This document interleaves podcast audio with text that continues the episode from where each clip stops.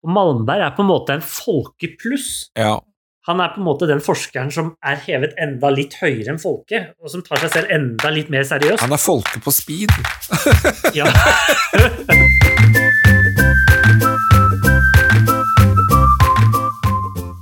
Hjertelig velkommen til eh, Norsk film er.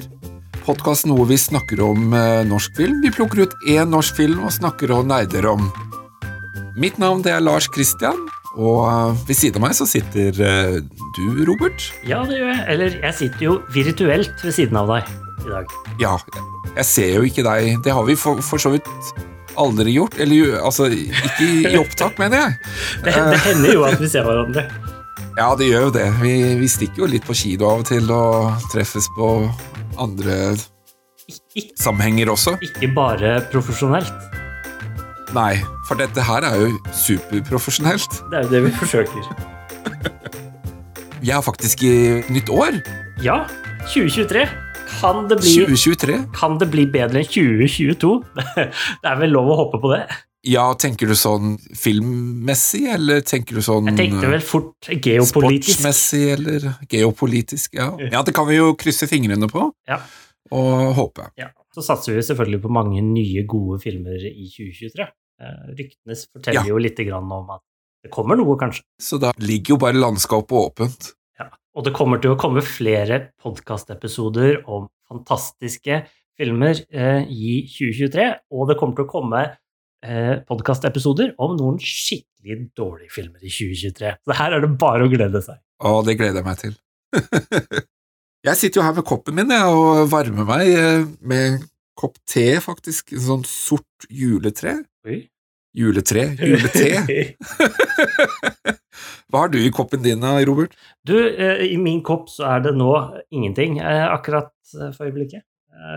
Nei? Men det burde jeg egentlig hatt, fordi her inne så er det bikkjekaldt uten like, og det fyres med ved for, som bare det. Snart er det ikke flere trær igjen.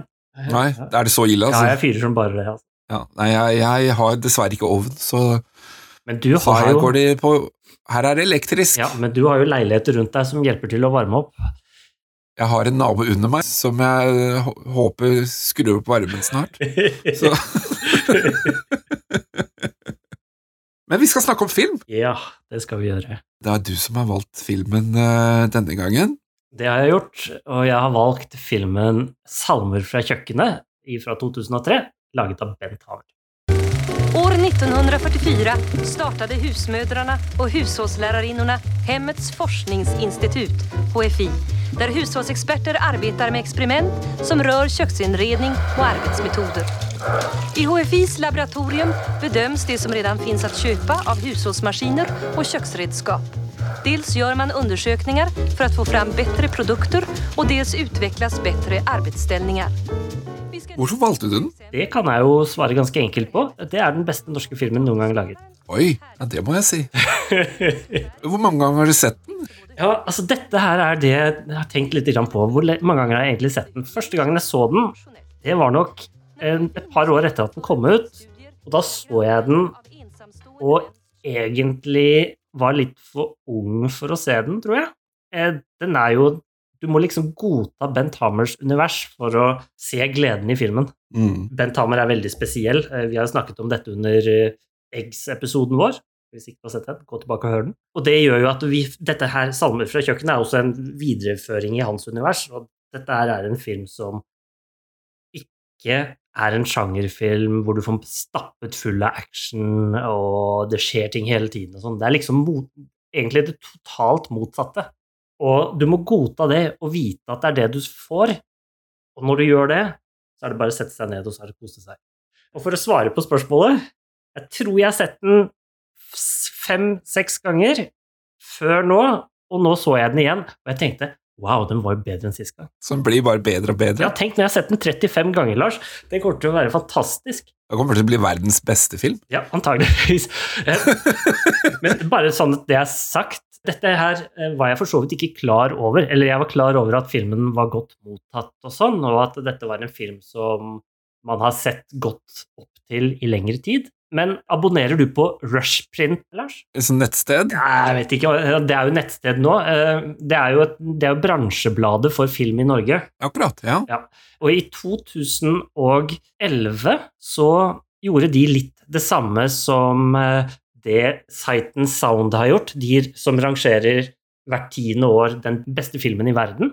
Så tok de i 2011 og rangerte de beste norske kinofilmene som er blitt gitt ut. Og den gangen så kom da 'Salmer på kjøkkenet', ble rangert som nummer fire av da filmvitere og forskjellige viktigheter i Film-Norge. Og når de eh, samme redaksjon i 2010, 1. januar, eh, kom ut med tiåret 2000 til 2009s beste film, så var det 'Salmer fra kjøkkenet' som ble rangert aller, aller øverst. Men det er jo en bra film òg, da. Så det er en bra film, så dette her er en skikkelig, skikkelig god film som har blitt likt av veldig mange, men kanskje ikke fullt så mange som man skulle tro. Og en del ting som jeg kanskje snakker om i dag, har jeg da, i tillegg til mine egne tanker, har jeg hentet litt grann fra en bok som snakker om den norske filmbølgen. Den er skrevet av Gunnar Iversen og Ove Solum. Og disse personene var også med på å stemme fram da disse filmene. Jeg begynte jo nesten å lure på om du hadde bomma litt, og så valgt en svensk film. Ja. Eh, Men det hadde du ikke. nei, nei, de kommer seg fort over på norske sida. Snakkes både svensk og norsk i filmen.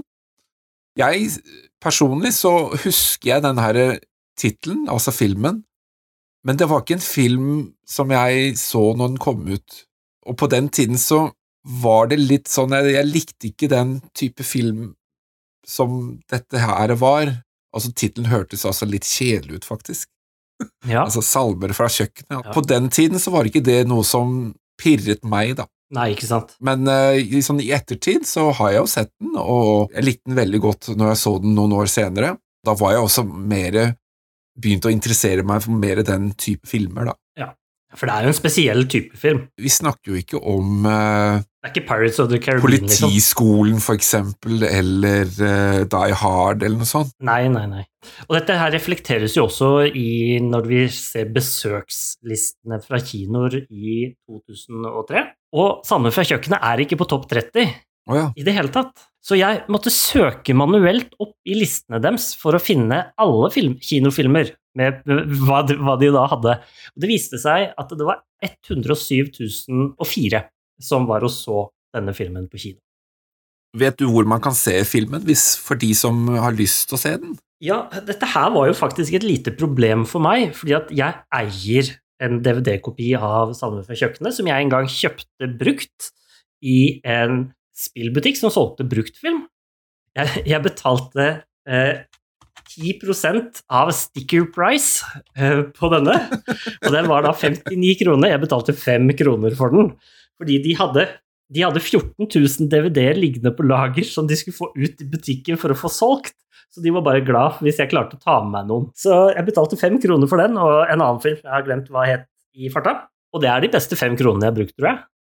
Eh, I hvert fall på film. Ja, det vil jeg si. Ja. Så der, der, der kan man gjøre et eh, røverkjøp, altså, for de som har lyst til å kjøpe filmen Ja. brukt. Ja, brukt, altså forskjellige bruktmarkeder eller noe sånt. Eh, Den, jeg tror ikke den butikken som jeg kjøpte den i, eksisterer lenger. Bruktbutikker, finn.no er en mulighet. Eh, Jeg vet at den finnes på noen biblioteker fremdeles rundt omkring, eh, og er eh, mulig å låne. Jeg har sjekket litt opp på dette, og filmweb.no de, de kan jo melde at eh, for de som har lyst til å se den på det digitale mediet eller plattformen, så er jo da iTunes Store rapporterer i hvert fall de at det er mulig å, å se den på, da. Ellers er jo dette er jo også en litt eh, en film som har på en måte vunnet et tilhengerskare i Norge, som gjør at eh, den blir satt opp på cinemateker og sånn, og filmklubber litt rundt omkring i landet. Men eh, Lars, det var jo ikke bare salmer fra kjøkkenet som kom i 2003. Hvilke andre norske filmer bevegde seg i 2003? Du har helt rett, det er jo masse andre filmer også i Norge, og 2003 var jo nok et eh, filmår hvor det ble produsert masse. Ja. Jeg eh, kom over en, en sånn lite statistikk, eller i hvert fall noen som mener og påstår at det var 14 kinofilmer Oi, og 19 dokumentarfilmer oi, oi. og 13 barne- og ungdomsfilmer, så det var Dette her var liksom dokumentarfilmens år, kan man nærmest si. Og Filmfront de har jo lista opp mange av disse her filmene, og mange av de filmene som ligger i toppen der, det er eh, stort sett dokumentarfilmer. Ja. Det er da for eksempel Mannen som elsket Haugesund, Norske kvinner i Hollywood og en film som heter Et steinkast unna. Altså Alle de tre er dokumentarer, og de ligger med score ganske høyt oppe da på, på lista. Foruten da dokumentarfilmer så kan man da nevne som Buddy, Villmark, Mors Elling, da, som er oppfølger til Elling. Eh, Du har en film som heter Svidd neger, Ulvesommer, United og Lillefrøken Norge. Og så var det en film som jeg tror kanskje noen har hørt om, for den, eh, det var jo Thomas Giertsen som var med i den, Kvinnen i mitt liv. Thomas Giertsen, ja. Og den tror jeg fikk litt sånn oppmerksomhet fordi han var med, da han var jo veldig mye i media på den tiden, var han ikke det? Jo, jo. Han er jo for så vidt litt i media fremdeles. Mors Elling, forresten, er vel den, var den norske filmen som ble sett mest på kino, da. Den syvende plass. Ja, akkurat. Ja. Med 367 000, så over tre ganger så mange som dagens film. Det skulle jo nesten bare mangle da, når man lager en oppfølger til Elling. For så vidt, for så vidt. Ja. Det er jo et ganske trygt valg å gå og se Elling. Jeg kan jo også bemerke at Villmark er jo også ganske kjent fordi Jeg vet ikke om det er starten, men det var liksom de derre de der skrekkfilmene ute i norsk natur-bølgen som, som begynte å, å dukke opp på den tiden også. Blant annet av Villmark, og så har du jo Fritt vilt som kommer eh, også seinere, så videre, med oppfølgere. Men vi kan bevege oss over på prisutdelinger. Vi kan starte med Amanda. For da var det jo selvfølgelig da for beste film. Kan du gjette hva det var, eh, Robert? Salme fra kjøkkenet. Det er helt riktig. Yes! Så den er, det, det ble en kritikerrost film på mange måter, og den slo Johnny Wang og Villmark som beste film. Ulvesommeren fikk jo pris for beste barnefilm, men så ble det delt ut en hederspris til en person som heter John M. Jacobsen, som er da en produsent, eh, blant annet i hvert fall, for lang og, og tro tjeneste, holdt jeg på å si. Han har vært involvert i mange, mange norske filmer, helt fra Veiviseren, Hodet over vannet, Sofies verden, Burning, Max Manus og så videre. Han har masse filmer eh, bak seg. Så han fikk da utdelt en hederspris, så det er jo kanskje verdt å sjekke ut filmene han har vært med og produsert. Sølvklumpen, som er en annen pris, det er en bransjepris, hvor det gis en pris til beste kinofilm. Og der dukker jo også da Ulvesommer opp igjen, som beste kinofilm. Og så er det jo da noe som heter Filmkritikerprisen. Her er det masse forskjellige priser Ja. som dukker opp. Um, og her er det en film som mange kanskje hørte om den gangen, og det er en film som heter Alt om min far ja. av Even Benestad, og det er jo da sønnen sjøl som er filmskaper, som da lager en dokumentar om sin egen far, som da er sexolog og transvestitt. Og den filmen fikk jo mye omtale den gangen. Jeg har ikke sett den, faktisk. Er det på høy tid? Det er jo da en dokumentarfilm, da. Det er rett og slett, som du sa, dokumentarfilmens år. Det har kanskje vært vanlig at de lagde flere dokumentarfilmer enn spillefilmer i Norge? Det er jo litt Altså, enklere på mange måter. Altså, det, er, det krever ikke like mye Altså, du kan følge noe, en situasjon, på en måte. Du skal jo ikke ha noe manus på den Ja, måten ja. som man gjør på en spillefilm, da, og, og, og skal liksom uttrykke det med skuespill og, Ja. og alt Nei, du skal jo på en måte det- fange virkeligheten og svare på et spørsmål, på en måte. Ja, ja, ja. Men så har jeg også en pris som heter Terje Vigen, Oi. Var det Ibsen? og der Nei, det var ikke Ibsen, eh, men her er det en, en person som heter Eskil Vogt, med en kortfilm som heter Une et trien, entreinte en, Jeg vet ikke hvordan man uttaler det, altså. Eh, Men på engelsk heter han An Embrace. Du vet, hvem, du vet hvem det er? Eskil Vogt? Ja, altså, han har jo Han er jo manusforfatter for mange av Lars von Triers filmer. Mhm. Ah, jeg mener han andre. Um, Joakim. Joakim von Trier. For blant annet reprise Oslo 31. august og Verdens verste menneske og så videre og så videre.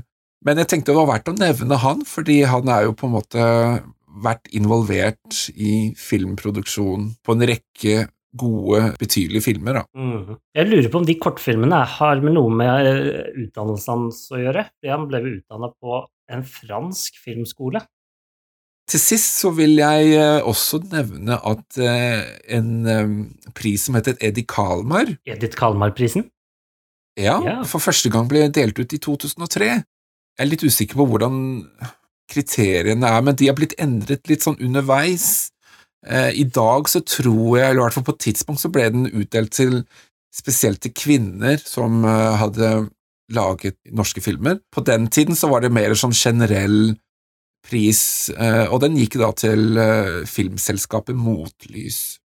Første gang delt ut i 2003, altså. Jeg tror det er fordi at hun døde i 2003. Det stemmer, det er helt riktig.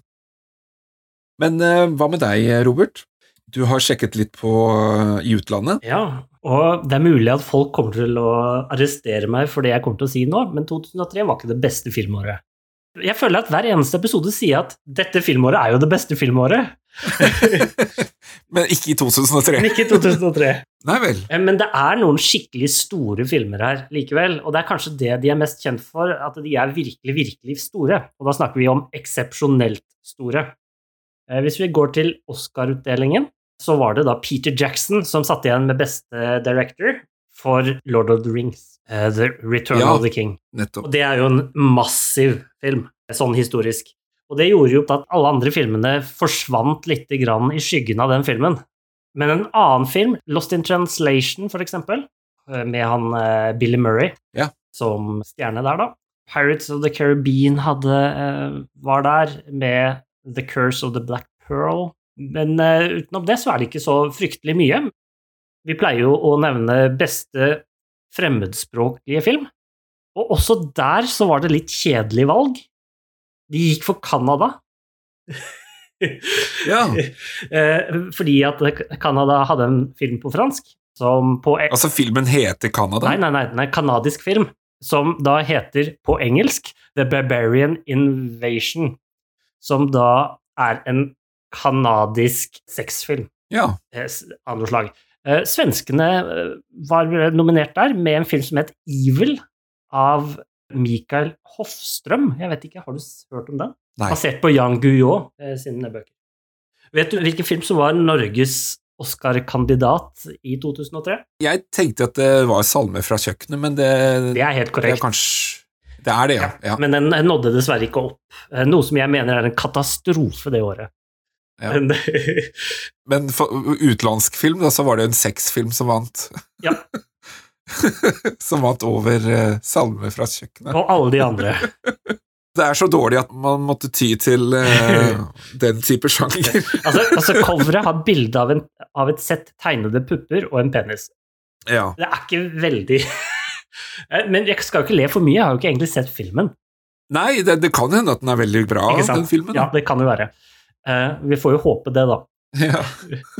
uh, men forresten, Norges Kan-film det året var jo Eller det var Kan-kandidat. Eh, Salmen fra kjøkkenet fikk Filmkritikerprisen i Cannes. Litt usikker på hvilket år det der er, fordi at Cannes deler ut prisene sine litt sånn med et halvt år på hver side, på en måte. Ja, ja, Ja. ja. Så den ble veldig godt likt i Cannes, og det førte til at den ble solgt, kinorettighetene, til 52 land. Såpass, ja. Det er ganske bra, altså. Det høres jo litt ut som at det var kritikerne som likte Salme fra kjøkkenet, i hvert fall i Norge. Ja.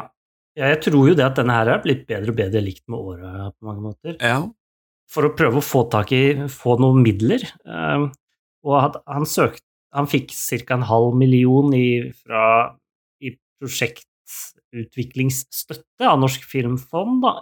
Og i 2002 så har jeg lest at han fikk helt enorm sum. Det, det ser jo ikke ut som en dyr film å lage, da. Nei, men du må jo gjøre litt. De, du vet de campingvognene som dras inn der? Ja, ja, ja. Eh, ja. De campingvognene ble laget av Billy Johansson, som, hadde, som var kameramann. Det var pussig du sier det, men han fikk faktisk Gullklapperprisen på Amanda Ja. som scenograf, ja, altså i 2003. For denne filmen. Nei, som generelt. Ah, ja. Altså, øh, han som person, da, Øh, som en sånn lang og tro tjeneste, holdt jeg på å si. Hva som er forskjellen på Amanda-komiteens ærespris og Amanda-komiteens gullklapper, har jeg ikke klart å finne ut. Nei, nettopp. I denne episoden så skal vi snakke om salmer fra kjøkkenet, men neste gang så er det jo du, Lars, som velger filmen. Det stemmer. Siden vi er i januar og det er vinter, så tenkte jeg at vi skal bli værende i vinterlandskapet når det gjelder eh, den filmen jeg skal velge. Vi skal til en eh, regissør vi har vært innom før, Oi. som vi har prata om. Ikke noe om det er 50-tallet Er det en ny film eller er det en Ah, okay. ok. film? Ja, ja eh, 80-tallet, slutten av 80-tallet. Oi, oi, oi. Ja, ja, ja. Spent. Jeg er spent. Er det ikke bare møl på 80-tallet, Lars? Nei, Å nei! eh, dette her er en eh, skikkelig eh, Blockbuster. Jeg vet ikke om eh, blockbuster er det rette ordet, altså, men den er veldig kjent. En norsk film på 80-tallet var vel sjelden blockbuster uansett. Jeg har et par her i tankene nå, Lars. Ja. Nå er jeg spent. Siden du nå hører podkasten vår, så har du vel antageligvis eh, funnet den noe sted. Eh, men vi er jo mange steder på sosiale medier. Facebook, Instagram, YouTube. Der vil vi gjerne at du sender oss noen spørsmål, kommentarer eller kanskje tips til filmer som vi kan snakke om. Vi gleder oss til å høre fra deg der. På Instagram så har vi også noe vi kaller for Fredagsfilmen. Det er tips og, og forslag på filmer som du kan se i helga. Og så er det jo også litt annen type bakom mikrofonen-stoff som vi legger ut på Instagram. Så følg med. Yes! Det hadde jeg gjort, i hvert fall. Videre så kan vi også nevne at eh, i episoden her så legger jeg alltid ut episodenotater, altså på og lister opp alle filmer som vi nevner og prater om. Og det er jeg veldig glad for, fordi jeg glemmer jo stadig vekk hvilken filmer jeg har snakket om, så dermed så kan jeg gå tilbake der, så kan jeg Å, det var den filmen, ja. Den skal jeg se. Den fremmedspråklige filmen. Det er ikke alltid så lett å huske. Da er det vel bare å sette i gang, er det ikke det, Robert? Ja, endelig.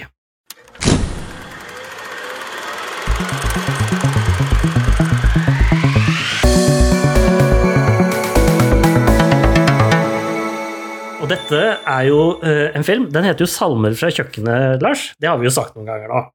Uansett hvordan du klipper det til, så tror jeg vi sier 'salmer fra kjøkkenet' mange ganger.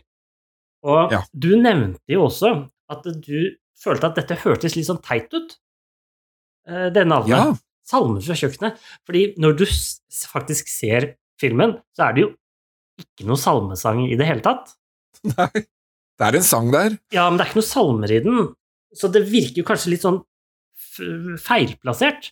Men vet, husker du hva den fik det fiktive stedet heter? Ja, det heter Landstad. Landstad, ja. Det er da en kar som het Magnus Brostrup Landstad, som levde på 1800-tallet. Ja. Og i 1852 så påtok han seg arbeidet om å utarbeide en ny salmebok for Den norske kirke. Så kirkesalmeboka, som ble brukt fra 1870 til 1926, het Landstads kirkesalmebok. Mm. Og dermed så er det jo naturlig at filmen heter Salmer fra kjøkkenet når den pågår i Landstad. ja.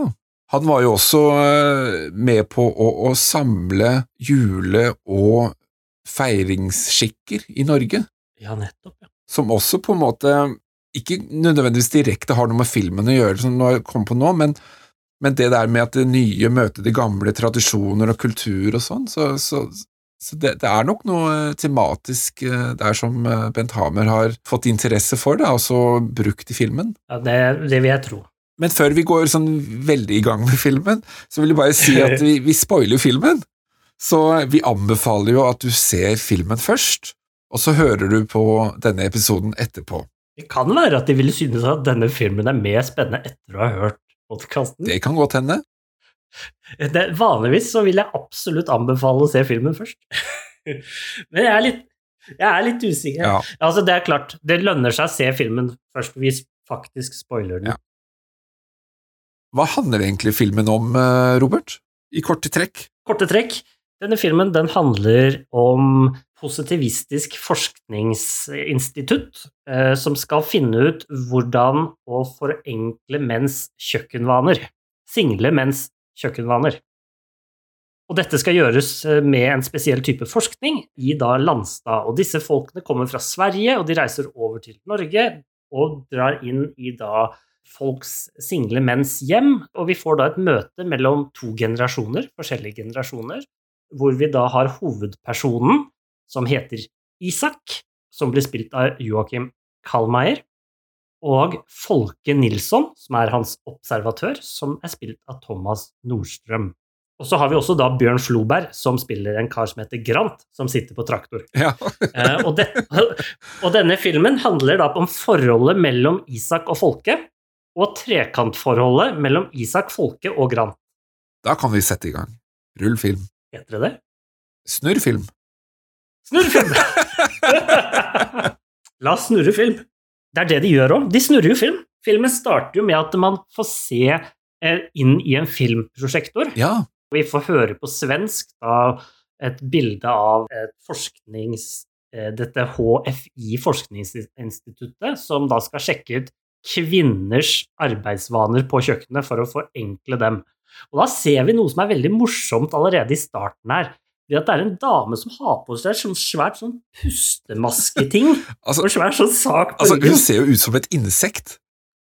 Ja, og da kan man, er det, jo lett, det er jo lett å tenke seg at dette her er jo bare tull. Ja. Men dette er et faktisk sant forskningsprosjekt som eksisterte på sånn 40-tallet eller noe sånt. Og da hadde de sånne greier på å få sjekke da, hvor slitsomt det var å gjøre forskjellige Men det som jeg bet meg litt merke i, da, det var jo valg av musikken i, på dette her filmklippet da, som vi eh, møter i starten. Vi ser jo ikke at det er et filmklipp før litt etterpå. Musikken er jo sånn høyt tempo, og jeg tror ikke det er eh, tilfeldig at den musikken er valgt. Så det er litt sånn stilen fra Jeg vet ikke om det er sånn fra 40-tallet, sånn jazz-blues-aktig, men jeg tenkte litt på det der at den tempoet liksom gjør deg liksom ekstra våken, og du skal liksom følge med. mm. Og det tror jeg kanskje var tiltenkt, altså. Hadde det vært litt sånn sakte, kjedelig musikk, så ville jo kanskje ikke interessen ha vært fanget på samme måte, da. Jeg er jo for så vidt enig i det at det, dette er jo en film som i utgangspunktet går veldig seint. Ja. Eh, så å få deg hooka i starten er nok ganske lurt, så dette er jo et klassisk anslag, egentlig. Det er eh, opplæringsvideoen, at det, det er jo egentlig det som er basisen for hele filmen. Ja, vet du hva, forresten, det vi skjønner er at dette er egentlig en prøvevisning, hvor de tester filmen, Ja. og så ser vi at filmen smelter. ja. Og dette her var jo et problem i gamle dager med noe som ble kalt for nitratfilm. ja. Og nitratfilm det er det som alle de gamle stumfilmene og sånn ble spilt inn på, men det var noe som ble brukt fram til 50-tallet. eh, Starten av 50-tallet var det ganske vanlig. Eh, Og det var altså film som inneholdt da nitrat, og det er altså det samme som i nitroglyserin, og de avgir gass. eh, Og celleantenner, eller smelter da i dette tilfellet. Og de kan celleantenne i så lav temperatur som 40 grader. Ja. Det er ikke noe rart at det ikke er lovlig lenger, Nei, for å si det sånn. og det er klart, hvis en film den kiler seg fast, så er det jo det er jo filmen gåen. Ja, tenk den Ja. lampa er sterk. Ja, ja. Ja. Det skjedde jo titt og ofte, det.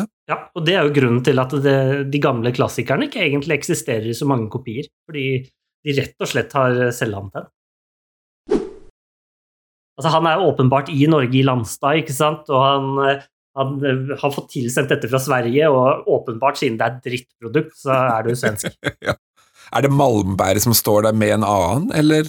Nei, på dette tidspunktet så er det jo bare en nordmann som bor i dette lille stedet Landstad, som liksom gjør klart til at svenskene skal komme og invadere byen litt senere. Ja, ja det. Og dette er litt viktig, fordi når er denne filmen egentlig satt? Vi har jo noen sånne holdepunkter. For det første så kjører svenskene fremdeles på eh, Venstre side, ja. ja veien. helt riktig. Men det gjorde de jo fram til 1967. Ja. Så, men det er nok altfor sent for dette her. Denne filmen er nok satt på 50-tallet, ganske mye nærmere andre verdenskrig. Noe som blir tydeligere i samtalen mellom Folke og Isak. Jeg tenker litt på at det, det var rett før altså i 67 eller rett før de bytta over, fordi han her eh, Er det Malmberg? Ja. De står jo og snakker, han og en annen står og snakker om å bytte over fra venstrekjøring, Det tenkte jeg også på. og han argumenterer med at eh, nei, men det er jo vitenskapelig bevist at det er mer trafikksikkert å kjøre på venstre side. Eh, Så det er jo mye motstrid, da, eh, sikkert. Så jeg tenkte at det kanskje var rett før. Ja, men jeg, ja, det er flere ting her. Det, er, det går en, er en barnevogn der som ser ut litt som en sånn Cadillac. Ja. Helt i starten. Det var også sånn 50-tallsgreie. Og bilene var litt sånn 50, kanskje de er tidlig 60-tallere. Men jeg tenker at dette er en, er en beslutning som man har diskutert i lengre tid. For det å bytte side du kjører veien, på hvilken side du kjører av veien, det gjøres ikke over natta. Nei. Å ta den beslutningen. Så jeg tror det er noe de diskuterte i ti år, kanskje mer. Nettopp. Vet du hva slags bil det er? Er ikke Volvo PV de fleste? Jo, det er, det er en Volvo PV, men det er flere PV-utgaver. PV544 kom i 58. Altså slutten av 90-tallet, nei 50-tallet, starten av 60-tallet. Altså, det er jo PV-modeller helt tilbake til 1920, så det er jo Spørs hvilken Men det kan se ut som det er en sånn PV544, kanskje. Ja. Og så er vi jo da på slutten av 50-tallet, faktisk. Og så helt fram til 50, 65, da. Det kan òg være en 444, som er tidlig 50-tallet. Ja, men hadde den den grillen? De grillene er bra like. Men grillen er kanskje mer som et nett på den 544. Jeg lurer på om det er den der 544, altså. Må bare ha den scenen hvor de kjører alle sammen over grensa der. Og Grensevakta han går jo fram og tilbake over veien 100 ganger. Vet du. Ja. Vet du hva PV står for? personvogn. Ja. Det Er det? Så, ja, personvagner. Forresten, i 1967, når de skulle bytte, så mm, tok de og sørget for at alle politifolk, militære og eh, frivillige vakter over hele Sverige eh, sørget for at folk skulle være klare. Ja, nettopp. Det kan være 444 og det der, altså. Det kan være 50-tallere, dette. Ja, ja. Uansett. Uansett, det er ikke så viktig egentlig. Nei da. Men det er bare en sånn interessant kuriositet, da. Ja. Men at vi er mellom 50- og 60-tallet et sted, og at dette har en vesentlig betydning for hvordan folk så hverandre i forhold til det at Norge hadde vært en del av krigen, og at Sverige ikke hadde vært det. De hadde jo for så vidt det, de òg, men Ja. på en annen måte. De var nøytrale under krigen. Ja, nettopp. Og og dette er noe som vokser fram også underveis når Folke og Isak begynner å prate med hverandre, er jo da at de har egentlig ikke kunnskap om hverandres kultur. Eh, De kjenner ikke til hverandres historie i det hele tatt. Men i neste scene, da, så når vi er forbi den her eh, gamle filmrullen, så, så hopper vi jo da til svenskegrensen. Ja, og det er jo der vi nå har sittet og fundert hvor- Ja. hvordan PV-versjonen der er. Ja, og vi følger en kortesje av Volvo PV. Alle er like, i hvert fall. 444 eller 544. Ja. Hvis det er noen som vet eh, med sikkert, så kan de jo gjerne skrive til oss. ja, absolutt. Jeg føler at dette er den egentlige åpningen av filmen. Invasjonen. Ja, invasjonen kan man godt kalle det, men det som slår meg, det er jo at når jeg har sett Eggs, så minner jo dette her veldig om åpningen av Eggs også. For der har vi også en scene med en kameravinkel på nesten samme måte. Du ser en vei, og du ser noen biler, eller i hvert fall en, i Egg så er det jo en snøbrøyte, tror jeg, som kommer langt borte, og så kjører han jo mot deg, ikke sant. På, på samme måte som disse her eh, Volvoene kjører da over grensen det virker jo nesten litt som en sånn signaturgreie, dette her, til han. At han eh, men, Han, også, han har jo et tydelig filmspråk, sant, det, det Ja. er jo men, det, men det gjør jo også seg gjeldende sånn i hele filmen, at han har disse her rolige scenene. og man, Mm. Det sa jeg også på under Eggs, at man, man skjønner jo hva slags type film dette her er. Den tar seg tid til å la scenene utspille seg. Det er jo to hovedpersoner egentlig i denne filmen. Altså det er Isak og Folke. Ja. Og i hvert fall jeg føler når jeg ser denne filmen, at vi får tid til å bli kjent med dem og se hva de føler, fordi de får så mye tid. Og dette er en film som varer halvannen time, den varer ikke tre timer. Altså På kort tid så får de god tid. Og det er jo noe som veldig mange andre filmer feiler med. At de skal ha for mange personer inn i filmen, f.eks., og alle skal vi prøve å bli kjent med, og så blir vi ikke kjent med noen. ikke sant? Her så får vi få personer vi trenger å bli kjent med. Ja. Vi skjønner hva som ligger, er motivasjonen bak dem, osv. Ja. Og så er det jo også det her med at noen filmskapere skal jo fylle scenene med, med replikker, at det skal skje noe hele Ja. tiden, ikke sant, at det skal være sånn intenst. Men Bent Hamer føler jeg er veldig flink på det å bruke det språket, eller filmspråket, da, hvor scenene ikke fylles med replikker eller noe intenst. Her er det en sånn slags melankoli da, over scenene. Ja, og vi kan jo gi litt heder og ære til Hans Mathisen, som står for musikken. Ja, Det hjelper jo til at disse scenene ikke blir Altså, vi får en ekstra følelse, en ekstra dimensjon inn i scener som er helt stille. Det gjøres ting i denne filmen som ikke skal gjøres i film. Altså, det er helt stille, og de sitter bare helt stille, og det skjer ingenting i scenen. Og likevel så blir vi på en måte Så skjer det jo så masse i scenen likevel. Ja, for du kan lese så mye ut av det som skjer, altså, altså Mhm. hva skuespillerne gjør, og hva de ikke gjør. Ja, ja. Altså, det, det er veldig fint, altså. Og som disse bilene da går i denne kortesjen og har gått over grensa, så er jo det neste vi ser, det er jo at Malmberg, som da etter hvert får sjefsansvaret, men det får vi ikke vite helt ennå, men eh, at Malmberg, som da gjør også en strålende rolle i denne filmen, som Ja. har spilt en kar som heter Reine Brynulfsson, står og snakker med bakkemannskapet i Landstad. Fordi Landstad, uansett hvor lite det er, har egen flyplass. Ja, de har alt. Det er sånn som Flåklypa, det. Ja, det er det. De har alt. Altså, de, yes. Men så er det jo litt morsomt da, at han som er bakkemannskapet på flyplassen, han er også postmann. Så, Ja. han har mange roller. Åssen går det? Nei, det kändes så jævla feil å kjøre på høyre side. Det var som alle innelver dro til venstre. Innelver? Innelver, ja. Jeg har kjørt kors og tvers gjennom Sverige i alle år. Det har ikke vært noe problem. Så fort jeg kom til norska grensen og kjørte over på høyre side, så kom illamåendet. Ja, jo. Og der står jo da Malmberg og snakker med han, og sier at han føler seg så dårlig fordi at han har Ja. begynt å kjøre på høyre side av veien. Han sier at når han kommer til Norge, så blir han kvalm og uvel. Ja, han bakkemannskapfyren han skjønner jo ingenting, fordi at innvoller er jo et annet ord på svensk. Altså, de skjønner ikke hverandre. Ja. De står og prøver å gjøre smalltalk eh, om innvollene til Malmberg, men det Men han altså- leverer, han leverer disse linjene så bra, han derre Malmberg. Han Ja, er jeg utrolig, han er utrolig bra, altså. Veldig bra. Det som er også litt gøy her, da, for å liksom sette dette litt inn i liksom filmens mening, så føler jeg, når jeg ser den filmen, at det, settes opp motsetningsforhold hele tiden. Mm. Eh, For Kontraster. eksempel Kontraster, ja. Riktig. Når filmen begynte å smelte inn i dette filmfremvisningsapparatet, så kan jo det på en måte bli sett på som at det er en motsetning mellom da vitenskap og teknikk, og det forholdet til mennesker, ikke sant? Når teknikken feiler, og mennesket godtar det på en måte ikke. Altså, det er noen begrensninger i forholdet her. Og dette går jo igjen og igjen i filmen. Altså, det er motsetningsforhold mellom forskning og hverdagen, forskjellen på høyre og venstre side kjøring, forskjellen på sjefer og under, altså ansatte, forskjellen på å sitte høyt på strå og det å være nede på bakkenivået. Alt sammen er motsetninger gjennom hele denne filmen. Og så prøver den å bryte ned motsetningsforholdet og fortelle oss noe om mennesker likevel. Det er jo også litt av det som jeg snakka om i stad, altså det der med det, det gamle møter det nye.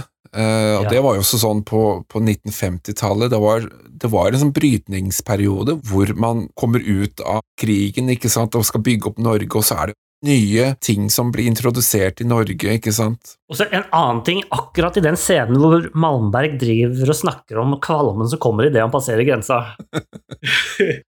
Det er sikkert noe som nordmenn har følt når de har kjørt over Svinesund, ikke sant? men det er jo litt fordi at da kommer det liksom eh, svidd baconlukt og alt mulig rart fra Nordby. Men eh, det, det er ikke det som er poenget. Men Malmberg er en godt kledd herre i flott, stilmessig brun hatt og brun jakke med flott skjerf og greier, ikke sant? Ja.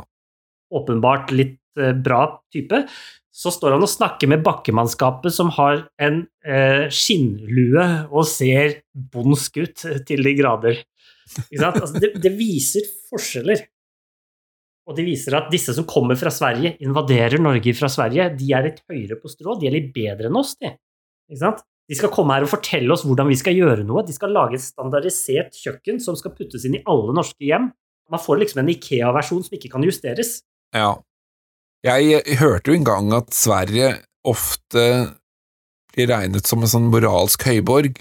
At de også ser på seg sjøl som moralens voktere, og, og, og, det tenkte jeg litt på akkurat det i den scenen her, hvor de kommer i kortesje kjørende over til Norge og, og tenker at ja, men her har vi løsningen. Vi har noe å gi til Norge. Det er uhjelp. Det er uhjelp. Norge har jo ikke bedt om dette her. Og fra et forskningsinstitutt i Sverige med hovedkvarter i Stockholm, hvorfor gjøres denne i et lite sted i Norge? Det lurte jeg også på. Ja, ikke sant? Dette er for å sette opp forskjeller. Fordi at den, De ville ikke gjort forskning i Norge. De ville gjort forskningen på svenske single menn, ikke sant, e, eh, sant, egentlig. Men dette er jo for at Ben Hammer skal putte det inn i liksom filmens verden og liksom ser at her er det enda en mulighet. ikke sant? Men er det, det fordi de føler at i Sverige på en måte har allerede innført en løsning, og så skal de utvide det til andre land? Svenskene i denne filmen? Ja. Nei, det jo, dette her er jo et forskningsprosjekt for å finne ut av hvordan kjøkkenet burde være for single menn. Og ja, for sitt eget land. Ja, men også for Norge, sikkert. Altså, dette ja. er jo noe som Ikea ville hatt. ikke sant? Hvis de bare kan gi deg én standardisert flatpakke, så vil jo det være drømmen, det. Det kom jo fram, jeg tror i den der filmrullen i starten, at den undersøkelsen viste jo at i et gammelt kjøkken, da, så gikk man jo fra Stockholm til eh, Kongo eller noe sånt. Ja, det kommer litt senere, men, men ja. Ja, også, og, Men så sier, eh, kommer det jo da fram med, med, med nye og, og, mer effektive kjøkkenløsninger. Så trenger du bare gå til Nord-Italia. ja, fordi dette her er jo tingen altså, De har jo gjort forskning på kvinner i Sverige ja. og funnet ut at de trenger ikke å gå like langt nå pga. løsningene som de har funnet på bakgrunn av forskningen. Og nå vil de løse dette her for menn også. I neste scene så er vi inne på legekontoret. Ja. Og Der sitter Grant, han er alltid hos legen. og har blitt undersøkt av legen som spilles av Sverre Anker Austdal. Han er jo en kjent type. Han er jo kjent fra Postman Pat. Ja. det er stemmen til Postman Pat. ja, han er kjent for masse rart. Ja. Her så sitter han og gjør undersøkelsen med sigarettsneipen i munnen og er en klassisk lege og, og sånn, og han undersøker da den minst hovedpersonen av de tre hovedpersonene, Grant det der med kontraster og sånn, altså, vi ser jo at Grant går ofte til legen og tar vare på seg selv og sånn, men vi får jo vite at Isak er jo ikke så veldig ivrig på å gå til legen. Nei, riktig, riktig. Det er i hvert fall legen selv som uttrykker at jeg skulle gjerne ha tatt en sjekk på Isak også, og man får jo inntrykk av at det gjør han ikke så ofte, ja, han får ikke gjort det så ofte, fordi Isak kanskje ikke vil, da. Isak er jo en eh, enstøing, altså han er hjemme hos seg sjæl stort sett hele tida. Ja, nettopp. Og det er jo liksom det som er poenget. Jeg tror det er grunnen til at forskningen er lagt akkurat i Landstad. Det er fordi at i Landstad så er det ute på bygda, det er stort sett bare gårder, og alle de gårdene har hver sin single mann som bor. Jeg sa jo at jeg hadde Jeg leste jo en bok litt om dette her for å forberede meg litt. Og der gjør da Ove Solum og Gunnar Iversen, kanskje fremtidige gjester av podkasten, hvem vet, ja. de gjør et poeng ut av det at Grant er så ofte hos legen. Og det poenget de har med det, er at Grant er veldig Han søker oppmerksomhet, på en måte. Altså, han søker noen å prate med. Det er grunnen til at han går til legen. Han føler seg ikke dårlig. Han må ha noen å prate med. Han er litt ensom. Han er litt yngre fyr, ikke sant? kanskje 40, i da dette bygdesamfunnet som består av folk som er 85 alle sammen, ikke sant? Det er jo sikkert derfor han også drar til Isak ofte. For å prate? Ja, for å prate og ha noen å prate med. Ja, ikke sant. Det tror jeg også. Og dette betyr jo fryktelig mye for Grant. Han blir jo på en måte skuffet og såret fordi han blir egentlig fryst ut, han. Ja, Nærmest altså, av, han, av, hele den derre trekantdramaet mellom Dette blir jo mer drama etter hvert, da. Ja. Det er litt sånn at Grant er litt som Mo i Eggs. Ja. Er det han som stikker av? Ja. ja. Mens, mens far er Isak, og Folke er denne kyllingen, eller den derre gjøkungen. Så det er egentlig samme filmen vi ser, bare Nei, med det, det, det, det, er jo ikke den samme filmen i det hele tatt, men du kan liksom plassere de litt Tenk etter, det gir litt mening. Ja, ja. Jo, men det er noe med det der at Grant han representerer det nye, for han er kanskje den som ser litt framover, som er kanskje mer åpen men også har en sårhet i seg, sånn sett, da. En annen ting som er litt morsomt, er jo replikken som dukker opp når de er på legekontoret. Når legen sier 'så er den svenske campingsesongen i gang', ja. Grant, han kjører jo han eh, Han får jo da oppgave å kjøre han eh, Jeg lurer på om vi hopper bitte litt fort. Du nevnte dette her med måtte gå til Kongo og sånn. Ja. Det er det som nå skjer. Fordi at nå blir fremvisningen Nei, vent litt, er det det? ja, for det er jo et sånt allmøte fra HFI. Vi får vite en ting til først. Fordi når de gjør seg klare til dette forskningsprosjektet, så klippes det tilbake til flyplassen. Og da får vi se doktor Jungberg. Fordi dette her er jo alle de single mennene, sant? Som denne filmen handler om. Den eneste gangen vi egentlig ser noen damer i denne filmen, er med da doktor Jungberg, som er liksom Hugh Hefner i filmen. Som da har med seg disse damene på, på flyet som da sier til Malmberg at du får ta dette allmøtet, fordi at du har jo hørt hva jeg har sagt mange ganger. Det er den eneste gangen vi ser damer, med unntak av hun som er sikkert 90 år gammel, som sitter ved siden av filmavspillingsapparatet for å starte det. Ja. Og det er et poeng i denne filmen, at de snakker om damer, Isak og Folke, når de begynner å prate sammen, så prater de om damer én gang. ja, det er moren, er det ikke det? Til folket? Ok, Folke nevner tanta si et par ganger. Ja. Men de snakker om det personlige relasjonen til damer én gang. Og det er da Folke sier 'jeg skulle ønske meg en hvit brud', og så svarer Isak 'jeg har aldri likt hvite svaner'.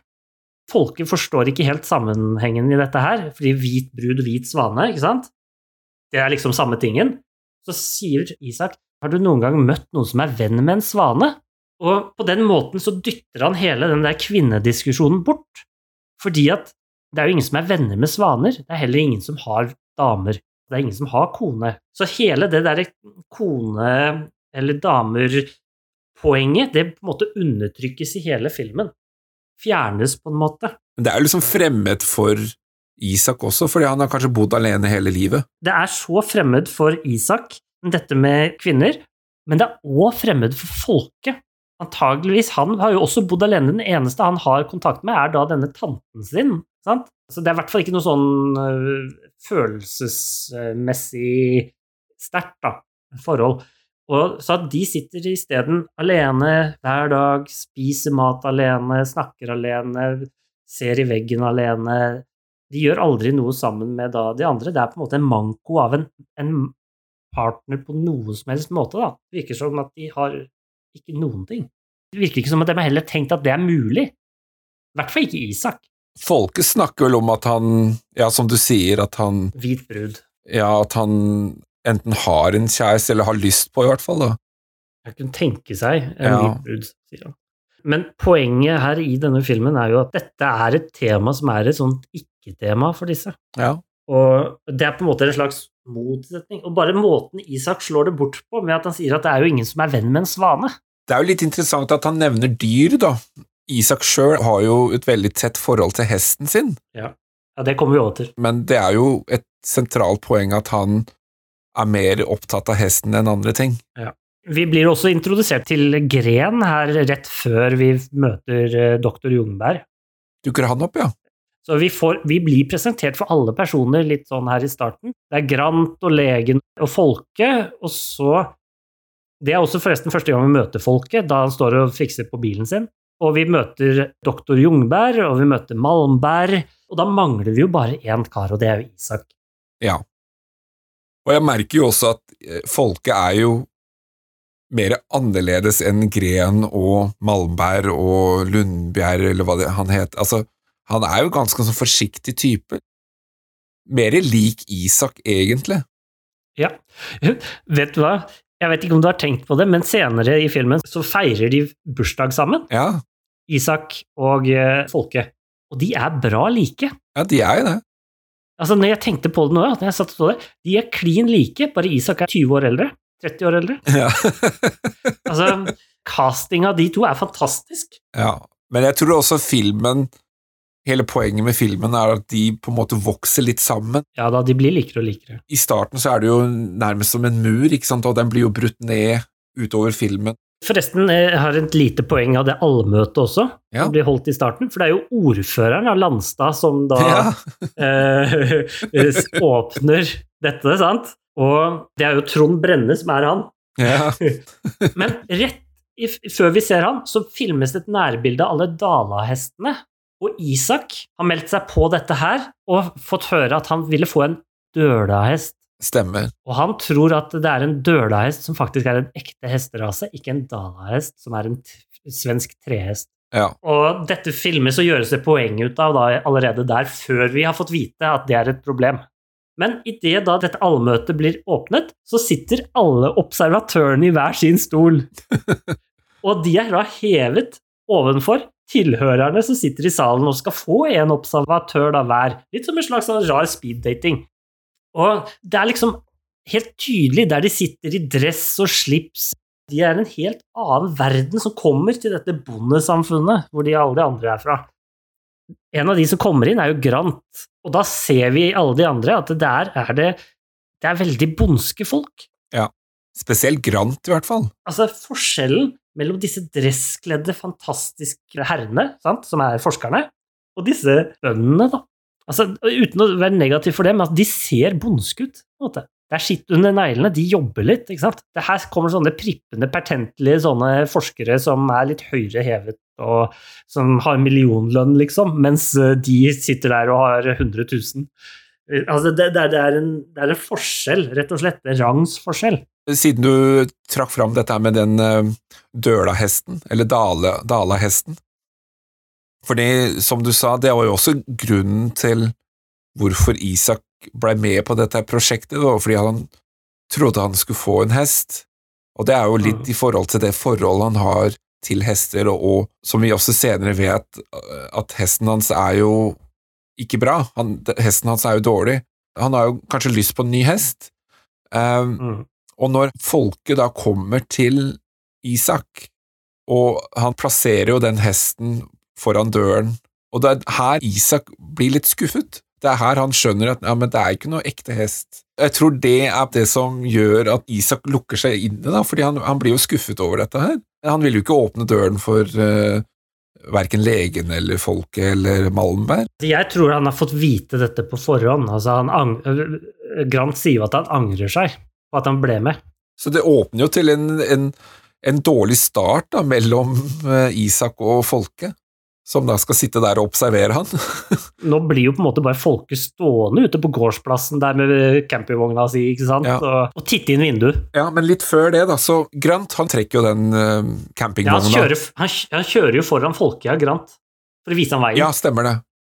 Ja, han trekker den ikke, han viser bare veien, ja. Men så stopper han jo på et tidspunkt, det er ved togskinnen. Ja. Han som bodde på den gården der!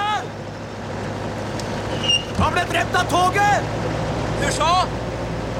Traktoren stoppa midt på linja! Hva? Så her må du være jævlig forsiktig! Nei, jeg har ikke! Du er jævlig forsiktig her! Og Grant kjører jo akkurat over togskinnene, sånn at folket står jo med campvogna midt på togskinnene. Nettopp, og så, så skal han levere den der historien. Men det er jo også et frempek på hva som skjer seinere. ja. Forholdet mellom Grant og Isak og folket, da, det blir jo ganske surt. Ja, og dette er jo sånt trekantdrama, det var det jeg ønsket å få fram her i starten. Men på det tidspunktet, når han stopper på toglinjene, det eneste vi skjønner og vet da, er jo at det var en artig kommentar å komme med Ja. akkurat om måten å gjøre det på, ikke sant? Ja, ja. Det er ikke sånn at det måtte skje noe etterpå heller, men det er jo litt morsomt at det da ble Det er litt interessant at Bent Hamer han sår disse her korna tidlig i filmen, og så etter hvert så skjønner vi jo Altså Grant da prøver jo faktisk å ta livet av folket. Ja, ja, ja. ja. Det er jo drapsforsøk. Ja, ja, og også dette her med den dølahesten, dalahesten, jeg blander dette. Det heter jo dalahest. Ja, den svenske tresen. For da sier jo også Isak grunnen til at jeg eh, meldte meg på dette, var jo fordi at jeg trodde jeg skulle få en ekte hest. Mm. Det er sånn som kommer seinere, som peker tilbake til det som de dryppa vi fikk tidligere. Nå, da. Mm. Det er jo litt det jeg sa i starten, at det er ikke så mange replikker i denne filmen, men alle replikker som skjer i filmen, er der av en grunn. Ingenting som er tilfeldig. Og det er litt morsomt at altså, Du sa jo det at Isak åpner opp og tar den hesten, men han venter jo til folket ligger i Til det er mørkt og folket ligger i egen campingvogn utafor huset, ikke får med seg at han tar hesten. Men lar han ikke døren stå? Nei, nei, fordi dette her tar litt tid, vet du. Det tar lang tid før Isak lar folket få lov å snakke med Isak, for dette er jo et problem. Dagen etterpå så kommer jo da Malmberg Ja. og folket, og de står over hverandre i en stige, Ja, hvor ja, ja, ja. Malmberg på toppen og snakker inn i soverommet til Isak, mens folket står under og liksom Hva er det han sier for noe? Hva er det han sier? Men det er en morsom scene fordi Isak han tror at de ikke er der. Og så trekker han opp gardinene, og så står de rett utenfor og ser rett på fol Ja, det er folket. Det er folket på det tidspunktet. Ja, ja. ikke sant? så blir det jo helt sånn der forfjamsa. Å ja, ja. Dette her er jo en lengre sekvens altså, som handler om hvordan folket får kontakt med Isak, og hvordan Isak til slutt går over eh, plassen og lar han kom komme inn. Stemmer det, for det er der han lar døra stoppe. Da, da lar han døra stoppe etter å ha gått over, over plassen. Ja. Men før det så kommer jo også legen på besøk, Stemmer det. og han står da som nummer én øverst i denne stigen. Under står Malmberg, og under der står Folke. Så de er tre stykker over hverandre, og det er et nydelig visuelt bilde om hvordan disse tre personene som Isak ser på som inntrengere, Ja. forsøker å trenge seg inn i Isaks liv på forskjellig måte. Og alle sammen gjør det over hverandre i en stige. Helt I forhold til Isak, da, så er det veldig sånn meg, og så er det alle de andre. Ja. Det skal vi jo liksom se etter hvert, at det endrer seg jo litt, da. Den der dynamikken. Etter hvert så kommer jo da folket Han får jo lov å komme inn i kjøkkenet og så installere seg sjøl. Og dette her er jo verdt en ting, fordi dette her er jo et forskningsinstitutt, eller forskningsrapport som, baserer, som de skal lage, som baserer seg på det som kalles for positivisme. Og positivisme, de sto steinhardt på nedtegnelser av observasjon. Og observasjon innenfor samfunnsfaglig eh, metode er veldig tydelig at foregår etter nøye former. Og en av de tingene er at det ikke skal være noe samhandling mellom de personene som observerer, og de som blir observert. Folket har jo ikke lov til å snakke med Isak. Det er helt riktig. Og Derfor er det ekstra morsomt at de tar han og plasserer han på en høy pidestall inne i kjøkkenet, og han skal da sitte og se når Isak kommer inn og ut av kjøkkenet, uten at Isak skal legge merke til at han er der. Og Isak er bare 85 år og har bodd alene hele livet, og nå sitter en kar på en høy, diger tennisdommerstol i hjørnet av kjøkkenet. Det er klart han vil legge merke til det, det går ikke an. Det er jo tydelig at Isak blir påvirket av at folket sitter der. Ja, nå vet vi ikke om han endrer helt vaner, men han endrer jo vanene sine. Ja, Så i prinsippet så er jo den der type undersøkelsen er jo ikke verdt en dritt, egentlig. Nei, nei. Eh, Og det er jo også noe av det jeg tror Bent Hamer egentlig ønsker å få fram. Man kan ikke se alt med øyet, ikke sant, med, med skjemaer og tall og nummer og sånn. Det er jo et annet lag også, det metafysiske, ting man kan observere som man ikke ser med det fysiske øyet. Mm. Det er jo det som Malberg eller han legen ikke skjønner, da. For de tror jo at ja, men det er det synlige, det som man legger merke til, det er det som er viktig, det er det som betyr noe. Jeg har samfunnsfaglig metode fra, på universitetsnivå, Ja. og da viste de deler av denne filmen Ja, for å gjøre et poeng ut av at hvordan en, populærvitenskapen da, eh, viser det, og hva som man egentlig skal gjøre, men man kan ikke gjøre det sånn. Hva skjer hvis ikke det blir gjort skikkelig? Også for å trekke fram noen eksempler på akkurat det jeg sa i stad. Isak får besøk av Grant, og så kommer jo da folket inn og setter seg opp, ikke sant, og eh, er klar til å undersøke, og så hva er det som skjer? Jo, Isak og Grant de forlater rommet og slår av lyset idet folket han setter seg opp i stolen. Og i det første møtet, som, når folket sitter der oppe, så gjøres det et kjempepoeng ut av at Isak endrer vanene, fordi han har sittet og drukket kaffe ved kjøkkenbordet, og så reiser han seg opp og skal skylle ut kaffekoppen sin i vasken. Så hører vi da blyanttegninger i lydsporet, sant? Det reagerer Isak på, så han stopper opp, så snur han, og så går han til utslagsvasken sin, som er da en annen vask han har på kjøkkenet. Så han endrer atferden sin på grunn av hvordan folket observerer ham. Den påvirkningen går jo begge veier, da. den endrer jo også folkets syke, nærmest. Da. For du, du, har jo en scene hvor Isak sitter der på kjøkkenbordet og gofler i seg sjokolade. Og så hva er det som skjer etterpå? Jo, folket når han da sitter i campingvognen, han har kjøpt masse sjokolade som han bare gofler i seg sjøl, ikke sant? Så de påvirker jo hverandre på, på, en eller annen måte. Det gjøres et poeng ut av dette med overspising i denne filmen. Ja, folket spiser jo så det synger. ja, og dette har noe med at når du er alene, så spiser du mer. Ja, for noen personer er det kanskje sånn, ja. Ja, jeg vil tro det. I hvert fall virker det som folket gjør dette her.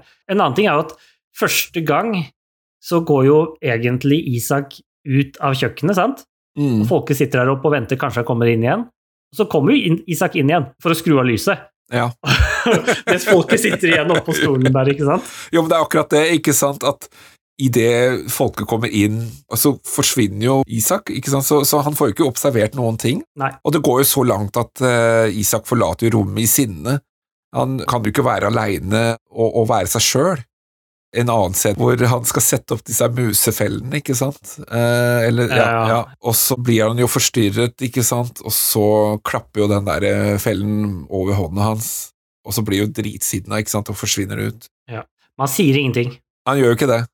Men jeg tenkte litt på det, det er jo en veldig teit måte å, å sette opp en musefelle på, da. Men vet du hva, jeg, jeg har en tanke. Den musefella er en slags type russisk rulett om hans forhold til folket. Fordi han har satt opp ca. like mange som det er kuler i en eh, revolver. sant? Okay, ja, ja.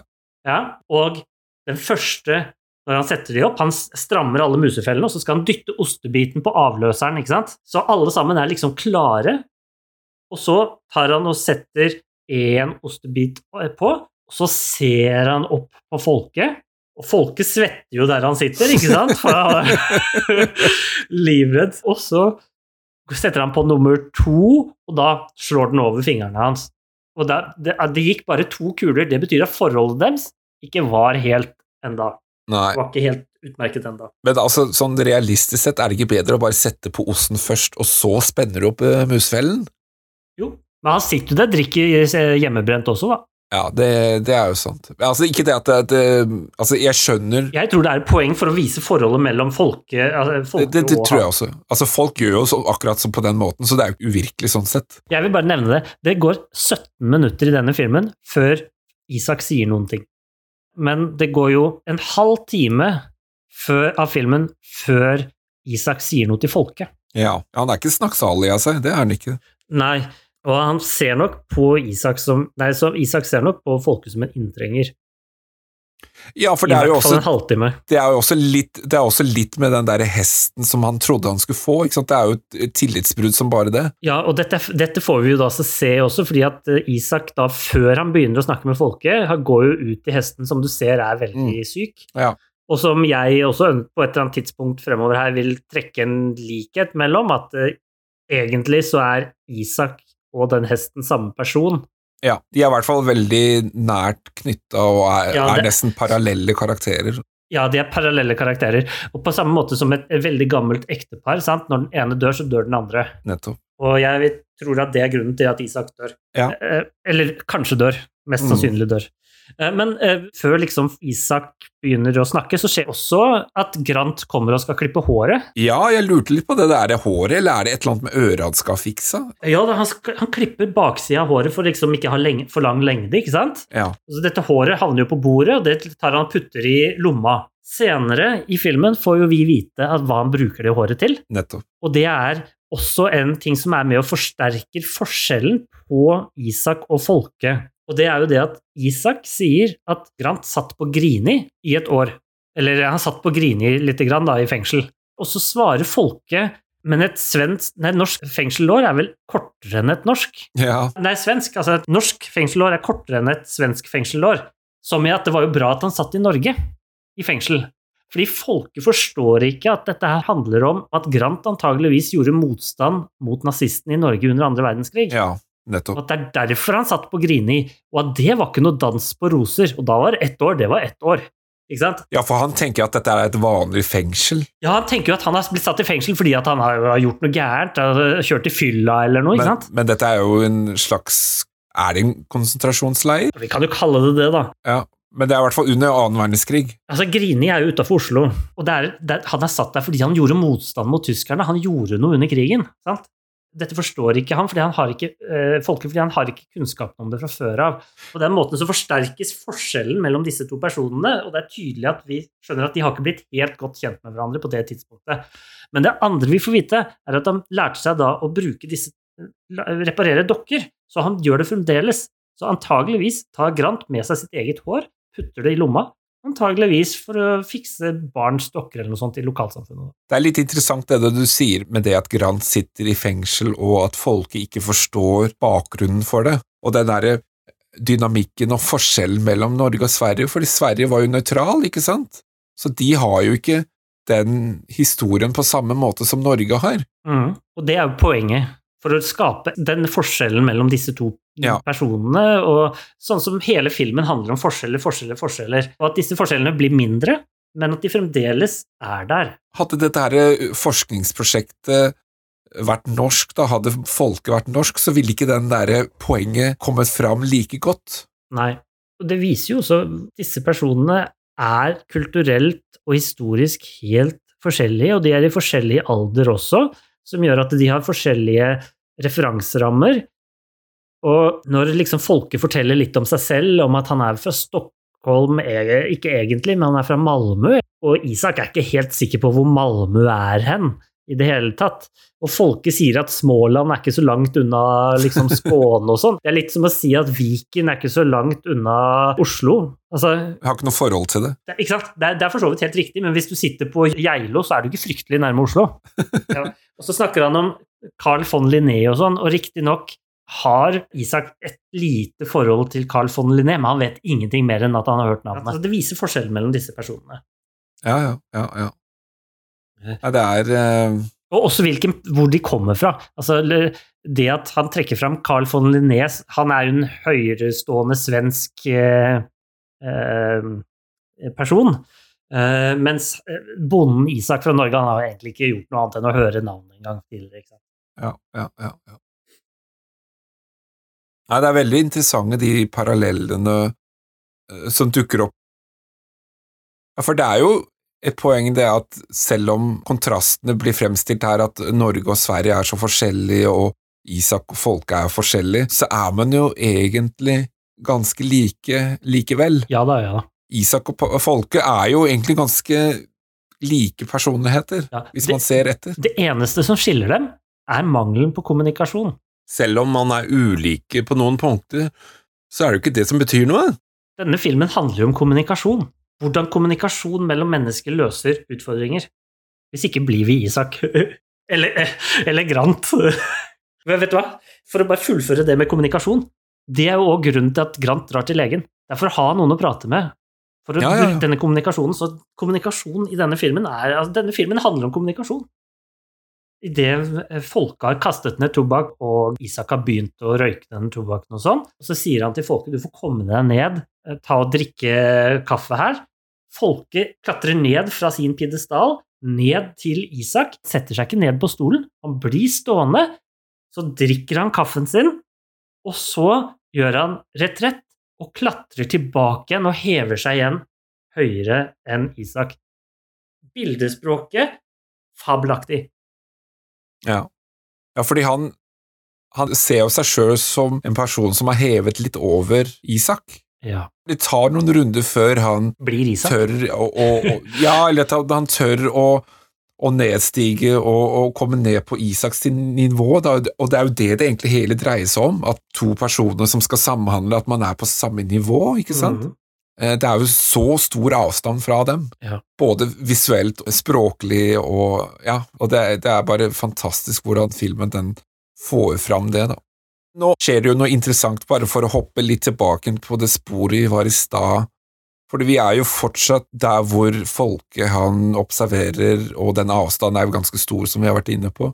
Mhm. Men så er det jo det at Isak han blir så lei av dette her, Mhm. så han bestemmer seg for å rett og slett flytte kjøkkenet opp i et annet rom. Jeg tror ikke han flytter kjøkkenet opp i et annet rom. Nei, Jeg tror han hadde gjort det allerede. men han slutter å bruke det kjøkkenet som folket sitter i, og så lager han jo maten i et annet rom. Ja, ja, ok. For han har jo Han gjør jo det oppe i den overetasjen. Ja. Han har ikke noe kjøkken der, men han har jo en ovn.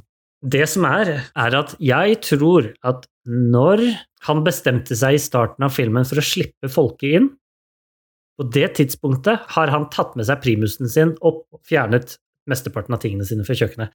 Og jeg tror at han har laget mat oppe på soverommet helt fra starten av, egentlig, og aldri lagd mat inne på kjøkkenet. Men at folket aldri har sett eller lagt merke til det før han borer et hull. Og det er først idet han borer hull, at han begynner å lukte matosen opp oppenifra. Ja, ja. Så jeg tror Men poenget er jo i hvert fall at Isak han trekker seg jo bort fra det rommet som han egentlig skal oppholde seg i, da. Og oppholder seg mindre og mindre i det rommet som folket sitter i også. Ja, Filmatisk sett så begynner vi å se at han oppholder seg oppi det rommet Altså, Det kan godt hende at han har gjort det fra før av, men vi ser at han gjør det nå fordi han på en måte blir lei av å bli observert. ja, han er jo lei av å bli observert. Og, Ja. og så har, han, har det blitt en idé for han at han vil observere den som observerer. Nettopp. Og da begynner jo den der rollen å snu, ikke sant? Ja. Men akkurat det der med mat og sånn, jeg tror ikke folk, Fordi folket snakker med Malmberg om at han aldri lager mat i kjøkkenet. Så jeg tror ikke han har lagd mat der overhodet. Det eneste han har gjort, er kanskje spist en brødskive og drukket litt kaffe. Ja, Alt annet ja, ja. foregår på soverommet. Og det er da han har begynt å legge merke til matosen ovenifra. Men han har jo spist middag før det òg. Han har kokt poteter tidligere. Det som er litt morsomt, det er jo at når Folke og Malmberg de sitter og studerer dette her, så skjønner jo ikke de en dritt, for de sitter jo der og lurer på hvor er det han lager maten sin, og Ja, ja. de prøver å finne en logikk i alt dette her. Eh, fordi, og, og litt på av det som jeg var inne i stad, de er opptatt av det man ser. De ser jo ikke hvor uh, Isak befinner seg når han ikke er i rommet. Nei. Og der skjer det jo mye mer enn det de egentlig er interessert i, da. Ja. Det er jo litt interessant, da, fordi hvis han lager mat der oppe, hvorfor skal han da koke et egg nede i hovedkjøkkenet? Ja, men, ja. Er det kanskje fordi at han ønsker å få kontakt med folket? Ja. Jeg tenker jo at han lager middag oppe, og så gjør han alle de andre måltidene faktisk på kjøkkenet. Isak skal koke et egg, og så leter han jo etter saltet som han ikke finner. Mm. Og her er det jo liksom en artig scene, fordi igjen så er det jo dette her en, en sånn keitete situasjon hvor folket, han vet jo hvor den saltdåsen står, for han har jo brukt den litt tidligere og satt den et annet sted. Ja. Og så bryter han igjen den derre kontrakten, peker ned på, eller nikker ned på der hvor den saltdåsen står, og så blir jo Isak fly forbanna og forsvinner ut av rommet igjen. Det er litt viktig at det, selv om han blir sur, så er det ikke sånn at han viser Altså, han er ikke vokal i sine følelser. Neida. Han blir bare helt mutt, og så stikker han. Han går. men man skjønner at han er sinna. Ja, ja, ja. Han prøver jo å si det at, uten å si noen ting, at hvorfor i all verden tuller du med livet mitt? Hvorfor gjør du endringer i min hverdag som jeg egentlig synes er helt fin? Jeg skjønner jo godt hvorfor Isak er sinna og forlater rommet, for det føles jo også at han blir brukt, da. De misforstår jo egentlig hverandre fordi folk er bundet til denne kontrakten. Mm. Med å gjøre det, da, med å sitte der oppe og ikke si noe, så gjør han jo det.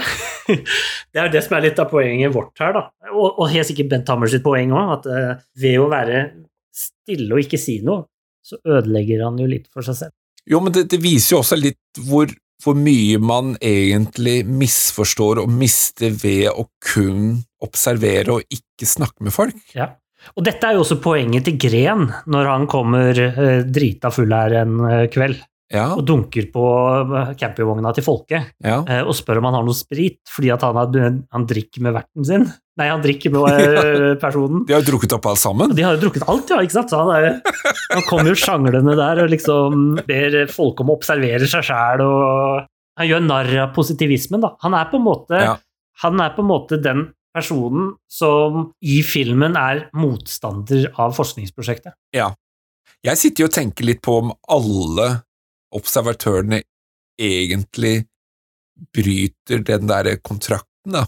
I filmen, kanskje. Ja, for vi ser jo at uh, Folke gjør det jo etter hvert, og Gren har jo gjort det.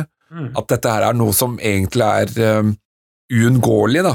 Ja, ja, det er, Før eller siden så vil det jo kanskje skje uansett. ja. Altså, dette her er jo en ting også, når, når du gjør et sånt forskningsprosjekt, så er det jo ikke sånn at altså, du observerer folk i en gågate, sant? Ja. Det er ikke så personlig som å sitte inne på kjøkkenet med en én singel person som har vært der inne hele livet sitt, Mm. alene. Men Gren han stiller jo akkurat de spørsmålene som man bør stille seg, da. Ja da. Altså, blir man egentlig kjent med en person bare ved å se på han? Man må jo snakke med dem, man må jo Men filmen er jo en kritikk mot denne positivistiske forskningen. Altså, ja, ja, helt ja, åpenbart. Og det er jo klart at han er liksom en viktig rolle. Han har ikke noen stor rolle i den filmen, men akkurat den scenen er essensiell for at vi skal forstå hvorfor folket sitter der han sitter, og hvorfor han tar de valgene han tar, og hvorfor det er vanskelig for han å faktisk begynne å snakke med Isak.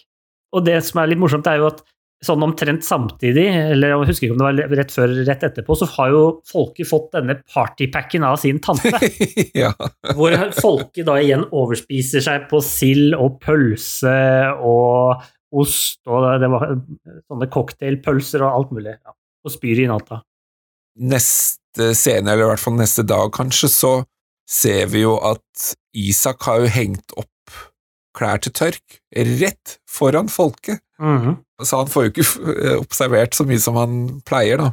Nei, men det er jo en straff som Isak Ja. gir til folket.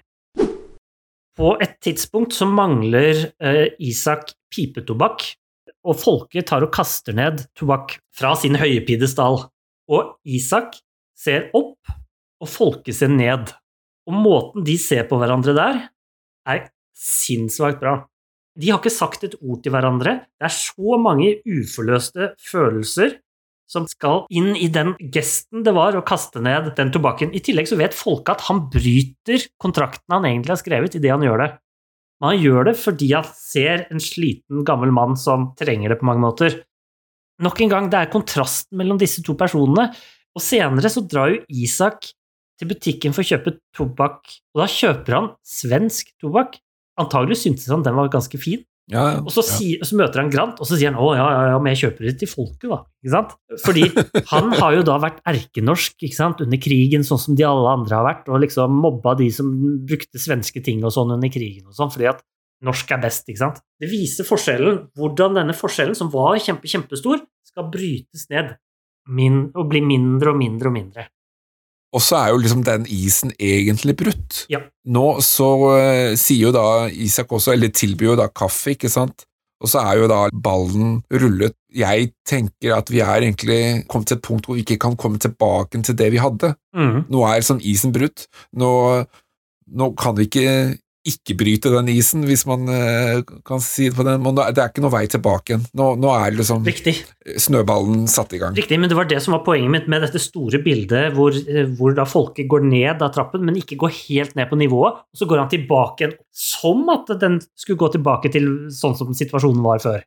Mm. Men det går jo ikke an å gå tilbake til situasjonen. Nei, Du kan ikke gå tilbake på en ting som du har gjort som faktisk endrer situasjonen. Nettopp. Og her er- kommer det en sånn kongereplikk, fordi folket han begynner å snakke om seg selv, ikke sant? Folket snakker jo om hvor han kommer fra, og moren sin, og så videre, og så jo, hun het eh, Rosenquist. Mhm. Og så sier jo Isak ja, det er vel et slags blomsternavn, det.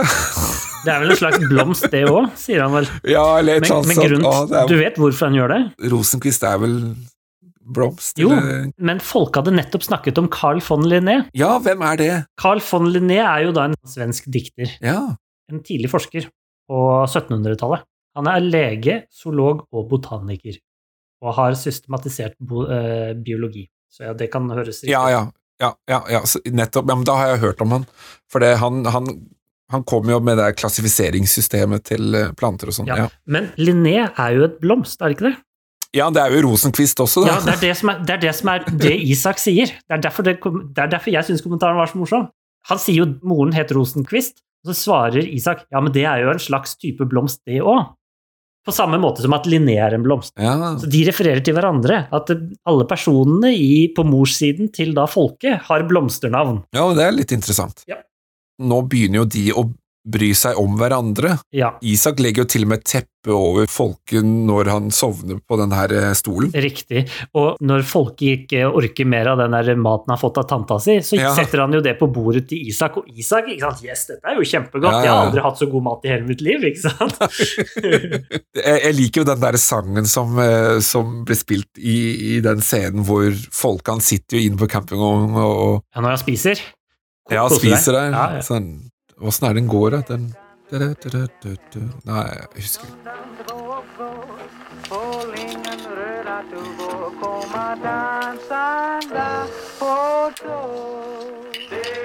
Jeg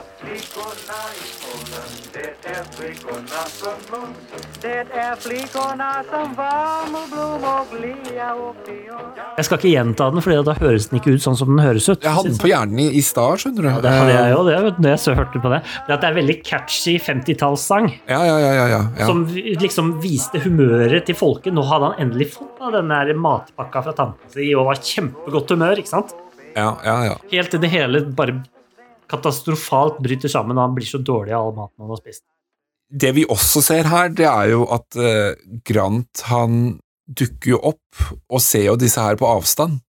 Ja. Og det er også litt interessant, for nå er jo også Grant en observatør som observerer Isak og folket som får den her tette bånden sammen, ikke sant? Og han blir jo veldig sår og misunnelig, for det var jo det han ønsket å ha med, med Isak, ikke sant? Selv om de er det, så har jo ikke folket helt gitt opp å observere.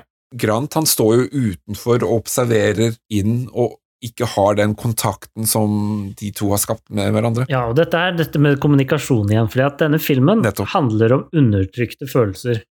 Og den som har, de, har mesteparten av de, er jo Grant.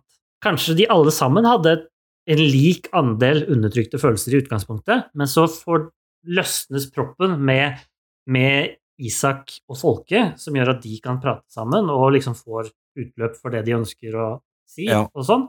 Mens Grant, som kanskje hadde den lille proppen hos Isak, nå får satt i proppen, sant?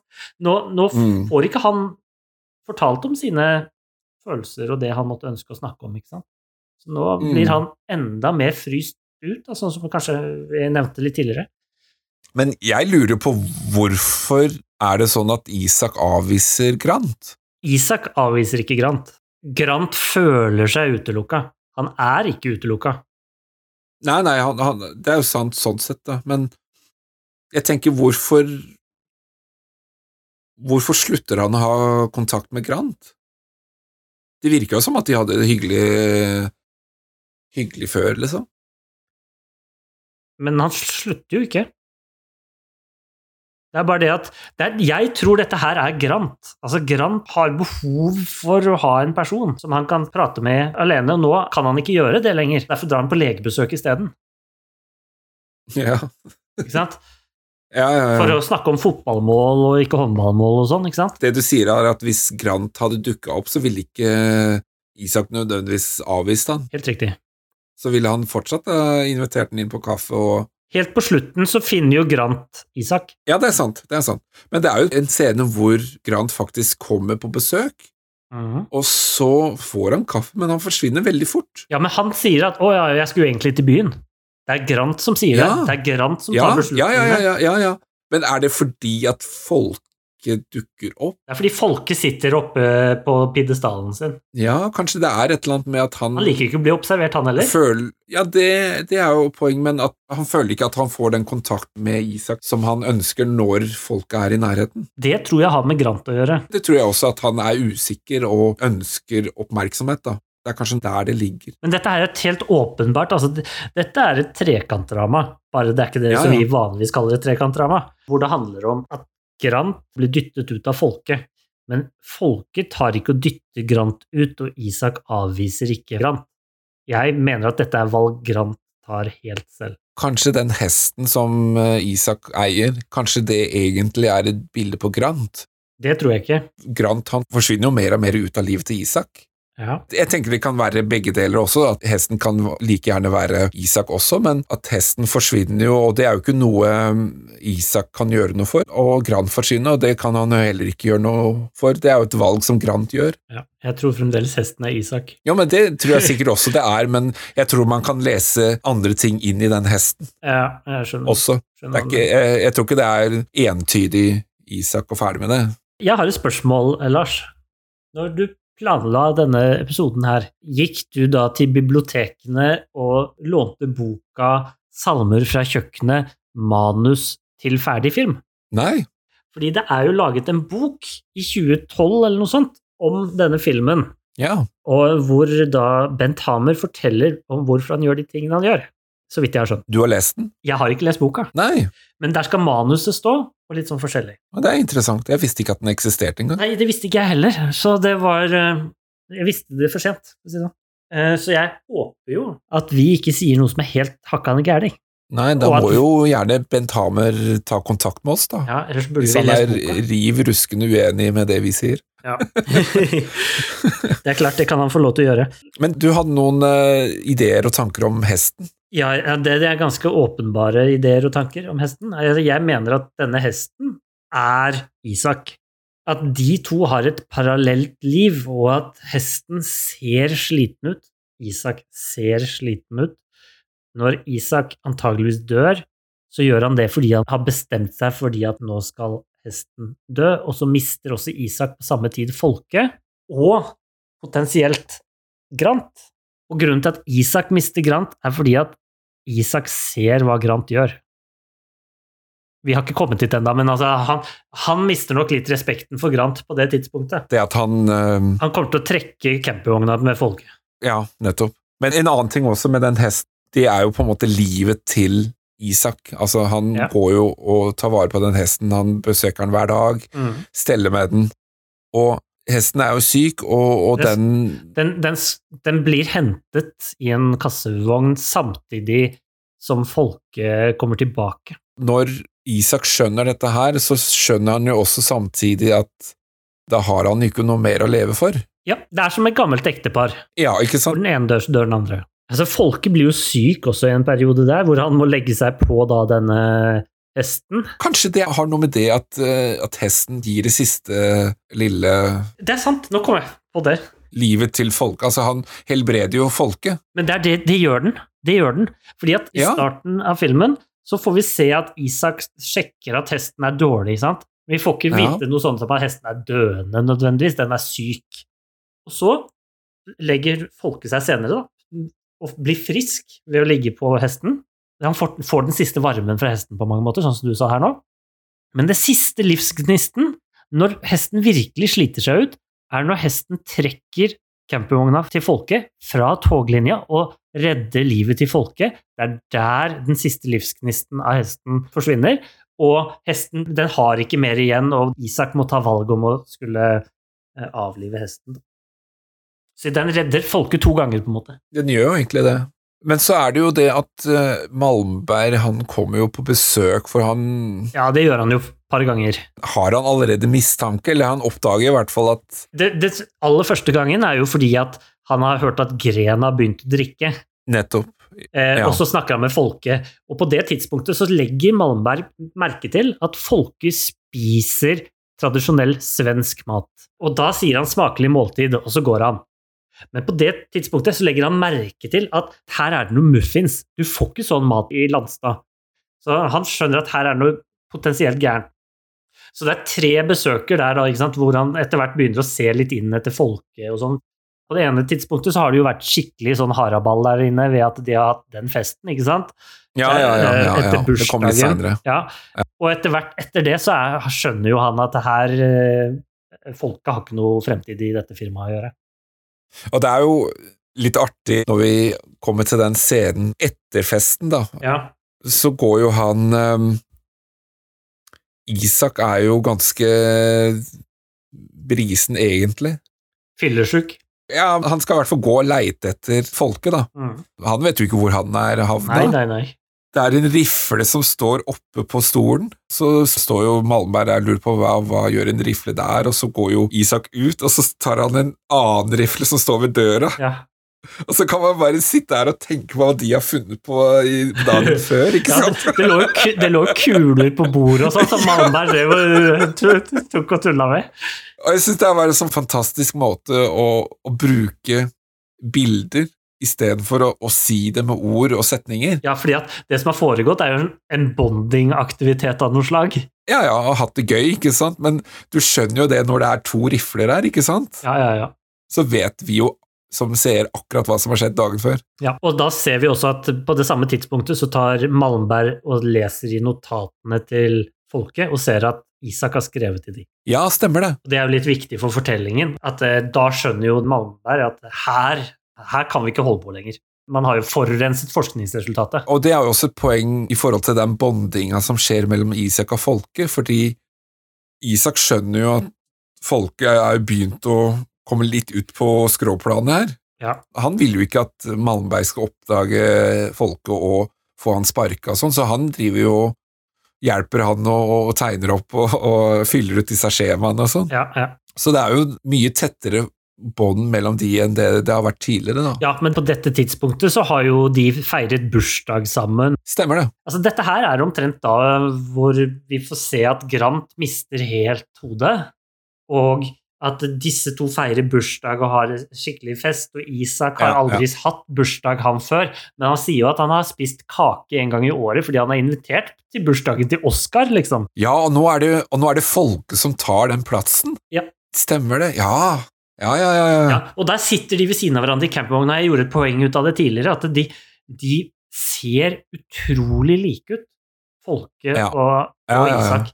Og de blir bare likere og likere i alt mulig rart, og de drikker litt sånn der, de drikker bourbon sammen, og de Ikke sant? Altså, det, det er starten på en litt sånn heisatur, da, dette her. Og det er før da dette med riflene som du nevnte. Men samtidig, i diskusjonen, det er jo da vi også får vite om at Grant satt på Grini og sånn, ikke sant? Så de er ikke helt på samme nivå enda, selv om de begynner å gjøre seg kjent med hverandre i stor grad. Men det gir jo også Grant litt mer dybde, da. Altså at Ja. han er ikke den derre altså, eiersjuke personen da, som bare skal ha Det er, en, det er på en måte en, en, en, en dybde i han også, det er en sorg i han, fordi han trenger jo også Isak. Tenk det. Tenk hvor mange filmer vi har sett hvor hovedpersoner gjennom to timer kanskje lange filmer ikke får nok dybde i det hele tatt. Og her så får vi dybde i Grant sin karakter bare ved en bisetning under en fest med to andre karakterer, som forteller om at Grant antageligvis er en motstandsmann under andre verdenskrig, og, og at han nå hjelper barn med å fikse lekene deres i en tid hvor folk er fattige, rett og slett, i Norge. Det er en veldig kontrast, da. Altså, ja, Grant er en fin fyr, egentlig. ja, han er jo det. Og det er jo litt synd at det skal ende sånn, da, Ja, men, det, egentlig. men, men det ender jo ikke sånn. Fordi at Når du sier ende sånn, så tenker du at Grant tar Folkes campingvogn og kjører den på toglinja og tar livet av han. Ja. Men, men siden Folke ligger og sover i den vogna, og Isak henter vogna tilbake igjen og setter den på plass, så tror jeg ikke at folket vet dette her. Fordi i epilogen til filmen så tar jo folket Isaks plass, og han hører på telefonen at Grant ringer og setter på kaffe.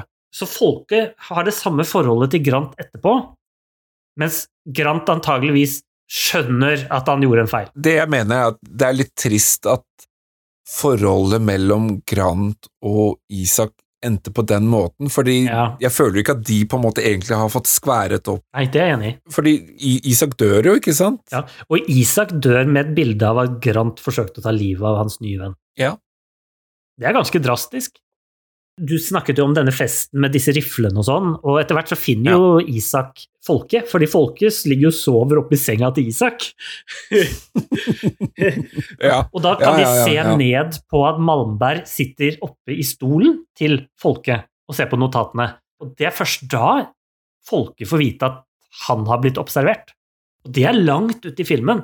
Og på det tidspunktet så skjønner jo folket at oh, oh, nå så han hans tegninger som han hadde ført inn og sånn. Og nå kommer han til å miste jobben. Og dagen etterpå, tror jeg, eller noe sånt nå, så er det Isak spør Folke men kan du ikke bare være her og feire jul? Dette er jo egentlig en julefilm. Dette. Ja, det er en julefilm.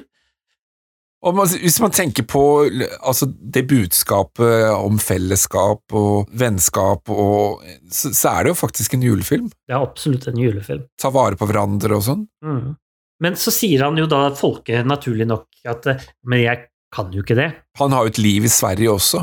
Ja, eller det har han jo, en, det det eller det har han jo ikke. Det er det ja, som det er går opp han for ham. oppdager. Han oppdager Ja. i den samtalen at han har jo ikke egentlig noe å tape på det, så hvorfor ikke bare bli over Ja. jula? Og så sier han det til Malmberg, at jeg blir. Og Malmberg blir jo rasende, ikke sant? I kontrakten din så står det at du må ta med deg campingvogna tilbake til Sverige. Ja, og det gjør han jo.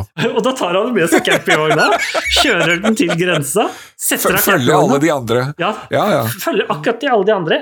Mens folket på grensa tar av campingvogna, og Malmberg steller seg i veien og skal kjøre tilbake. Og... ja det er en fantastisk er scene. en, en Altså. nydelig scene. Jeg tenker på den der ensomme politimannen. Det må være litt av en drittjobb å stå der aleine. Og... det- Jeg kan ikke tenke meg at det skjer så fryktelig mye der, altså. Nei, det er jo dette her, da. Ja, ja, men det er kanskje årets høydepunkt, da. Så er det kanskje ikke noe mer. Altså, Nei, tror han har jo ikke noe skur å gå inn i engang. Jo, det har han. Har han det? Ja, ja. Det en, Jeg sånn, så ikke noe, jeg. det er en brakke der. Ja, ok. Ja, ja. Og da er det vi ser at doktor Jungberg gjør en entré igjen, sammen med sin da, dame. De står jo da på flyplassen og tisser. Flyplassen, ja. ja. Står på flyplassen og tisser. ja. Han gjør det i hvert fall. Ja, nei, hun òg. Bare, bare se scenen en gang til, så legger legg merke til at hun ok, også ok, hun sitter yeah. på huk og gjør fra seg. Og når hun gjør det, og han gjør det, så kommer jo han der postmannen igjen, ikke sant? Han har jo med seg et brev, og det er jo Folkes notater. Ja, stemmer det. Disse observasjonene, sant? Og doktoren, som er faktisk doktor, og ikke bare Malmberg, han ser jo at dette her er kjempeinteressant. Så han tar jo med seg dette her og liksom tenker å, folk er jo den helten, ikke sant? Eh, sammen med Gran som sitter inne i flyet og Ja. Ja. Så Jeg tenkte også på dette her med Isak, at han forsvinner jo ut ja, av, av filmen og livet. For det er det er jo egentlig en parallell til Eggs også. ja. Ja, for der er det jo også Mo som forsvinner ut av filmen. Han stikker jo av, eller eh, reiser jo fra far, er det det han heter? ja, korrekt. Ja. De er jo stilistisk veldig like, disse filmene. Og også innholdsmessig ganske like. Mm. Uh, og jeg, jeg prøvde å gjøre et poeng ut av det, at um, Mo og far og denne uh, gjøkungen, Ja. de er jo de samme tre karakterene som i denne filmen, på mange måter. I neste scene Altså, det scenen som kommer nå, er jo veldig trist. Det er ikke sikkert at den hadde Det er ikke nødt til å være der. Det gir jo filmen en litt annen avslutning enn det den kunne fått. Fordi folket kunne jo komme tilbake, og Isak ble kjempeglad for at han kom tilbake, og de gikk rundt juletreet sammen.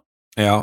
Det er det som er så trist, at Isak får jo ikke opplevd at folket kommer tilbake igjen, og får jo ikke skværet opp med Grant. Nei, det er det.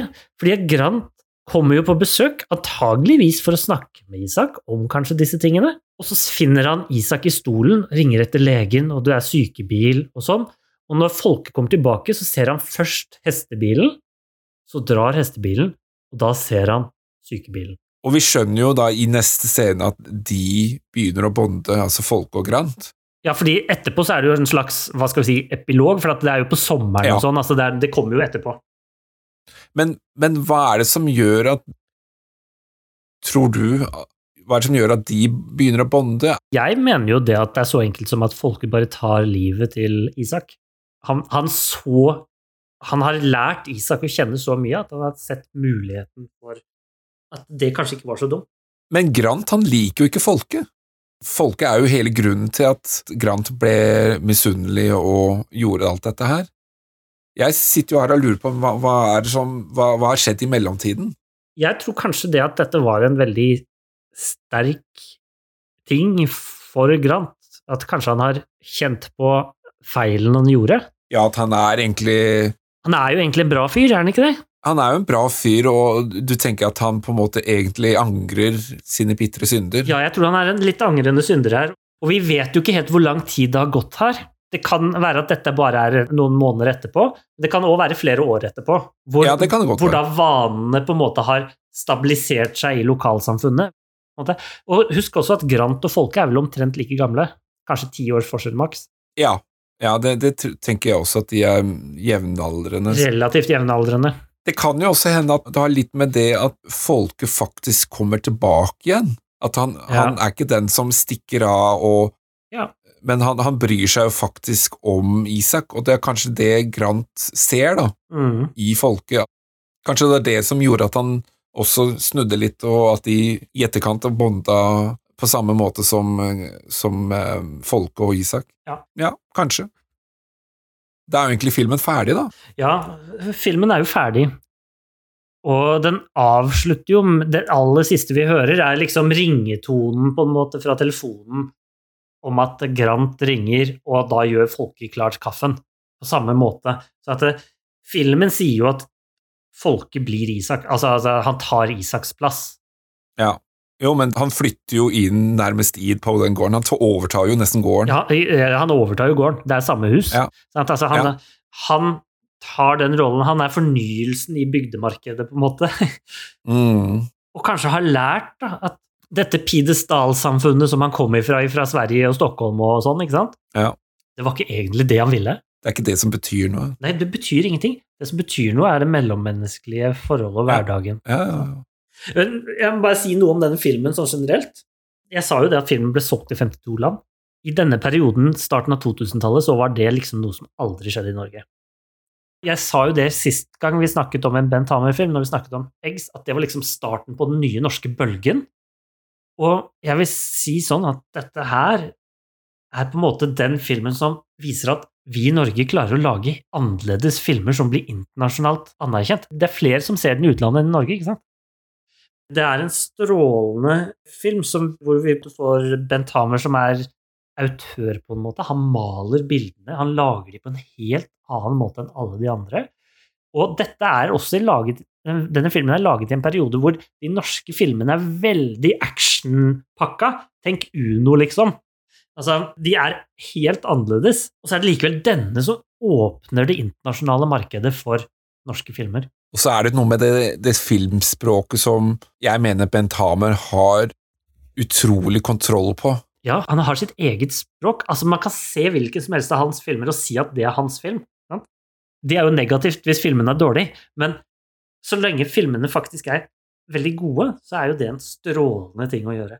Å ha, ha klart. Så han har laget sitt eget språk. Han er Norges autør. Han er den personen som faktisk vi kan kjenne igjen. Og det på en positiv måte, ikke bare Michael Bay-måten med at eh, hovedkarakterene står og ser ut som helter mens eh, kameraet går 360 grader rundt. Og jeg, jeg tenker jo også at uh, dette her er en type film som hviler ekstremt mye på skuespillerne også. Ja. Dersom de ikke hadde funnet de riktige skuespillerne, så ville ikke denne filmen ha fungert heller.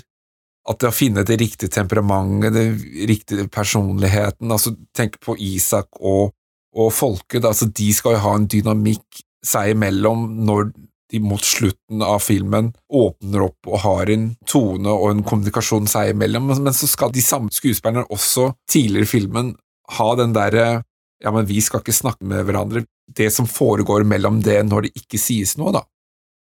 Det, det syns jeg de treffer utrolig bra, de skuespillerne, altså. Altså, Isak, Folke, Grant og Malmberg og doktor Nei, ikke doktor Jungberg, men eh, denne doktoren i den byen er alle sammen flotte roller som leverer alt de gjør, veldig, veldig godt. De fem personene er filmen. Filmen hadde ikke vært det samme uten Malmberg, sant? Absolutt ikke. Men den hadde jo heller ikke vært det samme uten Grant. Og uten den kommunelegen. Ikke sant? Ja, det er det jeg mener. Altså, alle de fem er så essensielle for denne filmen, og at de personene som faktisk spiller disse personene, gjør det på den måten de gjør, er Altså, vi, la, la oss si du trekker ut kommunelegen, da. Så ville man ikke ha fått fram de sidene med Grant. Eh, hvor han er den der kontaktsøkende som ønsker å, å ha noen å prate med, ikke sant? Altså, du, du, du forsvinner hele den aspektet med Grant, så alle karakterene er viktig, en viktig brikke i den filmen. Mhm. De er veldig viktige for oppbygningen av filmen, alle sammen. Og Malmberg er på en måte en folkepluss. Ja, Han er på en måte den forskeren som er hevet enda litt høyere enn folket, og som tar seg selv enda litt mer seriøst. han er folke på speed. Ja. det er helt riktig. Nå er folk på speed. Det er vanskelig å se for seg en annen person spille Isak. Det er vanskelig å se for seg en annen person er Grant. Eller doktoren. Selv, altså, ikke sant? Det er noe med den stemmen, utseendet, og han husker ikke hva han sa for en diagnose, og han har røyken ut av munnen, og Altså, Aksel Hennie er fin skuespiller, men han kan ikke være doktoren. Nei. Nei, men det, det, det, er, det er poenget med det, at du, du, må finne noen som, som kan ikke bare være skuespiller, men også være den rollen som er Isak, Ja. og som er folket. Ja, ikke sant? Det er jo sånn metode, method acting og sånn, ikke sant? At man på en måte eh, er personene. Mens en god skuespiller kan vel strengt tatt bare skru av og på. er det ikke det den sier? Men, eh, men det er noe med at du må finne den riktige personen. Og Bent Hamer er ikke bare regissør og manusforfatter av denne filmen, han er også produsent, sammen med en kar som heter Jørgen Bergmark. Men det betyr at han har egentlig full kontroll over alle ledd i filmen. Mm. Det er ikke sånn at han liksom overlater noe til andre. Han forteller hvordan liksom han ønsker at kostymene skal være, sånn at kostymedesigneren kan fikse det. Han sier at dette er sånn type bilder jeg vil ha, sånn at scenografen kan gjøre det på en perfekt måte. ikke sant? Han kan være med å gjøre castinga for å finne Joakim Kalmeier som ligner på Thomas Nordstrøm, eller motsatt. Og så er det jo det at folket blir jo Isak, at det skal jo også han ha i seg som skuespiller. Altså den transformasjonen gjennom filmen, da. Men det, men, altså, det, det som jeg syns er interessant med filmen, er jo dette her med at folket og Isak ender jo opp med å observere hverandre. Og så står jo Grant utenfor og observerer inn ikke sant, på de, at det er den der trekantdynamikken som jeg syns er veldig interessant, da. Og jeg, jeg kom over noen som hadde skrevet en slags Jeg vet ikke om det er en Det er en analyse av filmen. Det er Dordi Strøm som har skrevet dette her, da, og jeg bare siterer jo Hamer anser positivisme som blind. Observatørene i HFI observerer og ser, men de avviser det metafysiske, det de ikke kan se med det blotte øyet. Og det var litt av det jeg også nevnte litt i stad, at folk er jo veldig opptatt, og Malmberg er jo veldig opptatt av det man fysisk ser, og så er man ikke interessert i det man ikke ser, da. Eh, Og det er jo vi som ser, i, som ser filmen, vi, vi legger jo merke til alle de andre tingene som folket ikke ser, og det syns jeg er litt interessant, hvordan filmen får frem det, da. Jeg sa jo i starten at hvorfor valgte jeg filmen? Fordi det er den beste norske filmen noen gang laget. Er den bedre enn Elling? Og ja, ikke sant? Det er jo spørsmålet. Er den bedre enn Elling? Det, det man kan si, er jo den er veldig forskjellig fra Elling. Det som jeg tenker på, er at Elling er en film som historien er kjempegod, og skuespillet er kjempegodt, men det er ikke sånn at jeg kan se Elling og tenke Petter Ness automatisk. Bent Hamer har et mye mer unikt, unik måte det er å, å, å lage film på, da. Som du sier, altså, har, har du sett den her og ser Eggs etterpå, så skjønner du at Eggs er en Bent Hamer-film. Ja, riktig. Det i seg selv at du kjenner igjen en film, er ikke nødvendigvis en positiv ting. Men jeg mener at det kanskje er en positiv ting når det kommer til filmer som 'Salmer fra kjøkkenet' og, og 'Eggs' eller tilsvarende, og at 'Salmer fra kjøkkenet' da er liksom høydepunktet i Bent Hammers karriere enn så lenge. Han er jo ikke død ennå. Han har lagd masse, masse andre filmer. Ja, ja, ja. Det er bare å se resten av filmene hans også. Det kan jo være at vi i sesong tre kommer innom en Bent Hammer til. Hvem vet? Jeg har en til, men det er litt lenger fram i tid, da, la oss si det sånn. Vi får stykke det utover eh, sånn fremover, da, sånn at vi ikke tar alle Bent Hamer-filmen med en gang. Ja, ja, ja. Det er derfor én per sesong, Ja. det burde holde. Og nå er jo filmen ferdig helt, eh, Lars. Så eh, nå lurer jeg litt på er det, Denne filmen handler jo om forholdet mellom Norge og Sverige og sånn. Er det noe som er typisk norsk i denne filmen, som du tenker på? Ja da, jeg, jeg har eh, noen ting som jeg har lyst til å trekke frem. Spesielt dette med, med vennskapet mellom to personer, det der med å komme over på kaffe, ikke sant, altså med Grant og Isak spesielt, da. Jeg er sikker på at det er mange i, i Norge som har den derre ute på bygda, da, som den derre tradisjonen hvor man kjenner hverandre, og så kommer man over på kaffe på, eh, klokka tolv hver dag, kanskje, eller noe sånt. Hva med deg? Jeg tenkte jo at det var bygdesamfunnet. Ja. Det er et klassisk norsk bygdesamfunn, men det er jo ganske litt i Sverige for så vidt. Men eh, hvis du setter filmen på pause og det er et bilde utefra, så er det helt åpenbart at dette er i Norge et sted. Ja. Eh, det er veldig typisk norsk natur, område og, og, plassering. Dessuten er det jo snø i store deler av denne filmen. eh, Og det ser litt sånn ut som at det er på landet, liksom, i Norge. Det er et typisk norsk bygdesamfunn. Litt døende samfunn. Ja. Jeg tenkte jo også litt på det der med sånn derre kikkerkultur, da. Oi. Man Skal, skal du påstå at kikkerkultur er typisk norsk? Nei, men, men, men i Norge så er man jo veldig opptatt av hva naboen gjør. Man er veldig opptatt av andre. Ja. Sånn, ja, naboen står der og klipper hekken for kort. Mm. Det der at man betrakter og observerer naboen, kanskje. Jeg skjønner. Ellers kan jeg også nevne en, en ting som jeg la merke til, den her eh, eskimoene, altså diplomisen. Det sto et sånt skilt uh, i utenfor en kiosk eller et eller annet. Ja, riktig. Den tenker jeg også er veldig sånn typisk, for den har man jo sett i mange år. Men det som er litt spesielt, da, det er jo at den forsvinner jo. De har jo selv gått ut da, og sagt at uh, vi ønsker å fjerne figuren og navnet, altså eskimoene, for å på en måte ikke støte noen, da. Hvis det er noen som blir fornærma at man bruker en eskimo som en logofigur, eller Så de prøver liksom å nøytralisere logoen og merkevaren sin, da. Den forsvinner jo litt, litt som andre ting i filmen også, altså hesten og Isak og så, Jeg er enig i det. Det er en Det er jo et, håper jeg, kanskje ikke gufs fra fortiden, denne filmen. Den er jo Det er jo fortiden de viser. Det er Ja. mange år siden de prøver å portrettere.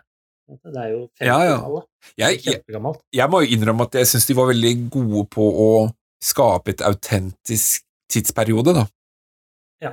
Jeg følte at jeg var liksom i den perioden. Det var ikke noe sånn at uh, jeg følte at jeg ble dratt ut av den illusjonen. Helt enig. Det, det skal de ha kudos for. Neste gang, Lars, hva slags film er denne filmen fra eh, 80-tallet som du drev og snakket om? Det er en Den er jo regissert av Nils Gaup, som vi har da vært innom før. Um, og jeg nevnte jo litt med dette vinterscenarioet, som også er en del av denne filmen. Den, vi skal opp i de nordlige del av Norge, opp i Finnmark. Og dette her handler jo om eh, samer. Så vi, Du kan jo prøve å gjette, da. Ja, vi kan Slutten av 80-tallet? Ok. Eh, Kautokeino-opprøret. Det er ikke den. Hva heter den, da? Den, den eh, den mye Kautokeino-opprøret kom er seinere. 2007 eller noe. Ja, Men okay. men det er samme regissør. Ok. Men du er inne på noe. Hvis det er Nils Gaup og samer Ja. og film. Da må det være Veiviseren. Det er helt riktig.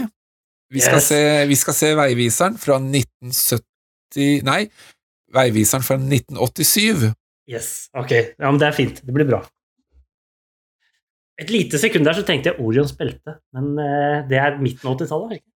85. Er det en film, er ikke det en TV-serie? Jeg lurer på om det er film. Altså. Oh, det var gode filmer på 80-tallet også. Ja, det var bare ikke så mange av dem. Nei, det var jo ikke det. Men, uh, men det er, den ble jo faktisk eh, Oscar-nominert. Første Oscar-nominerten siden Ni liv fra 1957. Det tok noen år før eh, de kom med en god film som var verdig nok til å bli nominert. Det blir spennende neste gang. Har du sett den? Jeg har sett Veiviseren, så nå blir det et hjertelig gjensyn. Det begynner å bli noen år siden. eh, Ja. Sikkert ungdomsskolen, så det er mange år siden. Neste episode kommer jo da ut søndag 26. februar.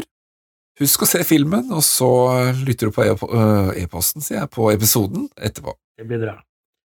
Så nå er jo vi veldig spente på om eh, dere som har hørt på, er enige med oss, eller om dere er uenige med meg om at 'Salmer fra kjøkkenet' er den beste filmen som er laget i Norge noensinne. Tror- jeg tror jeg får problemer med å holde den påstanden veldig lenge. men, men er du uenig i at eh, 'Salmer fra kjøkkenet' er den beste norske filmen ever?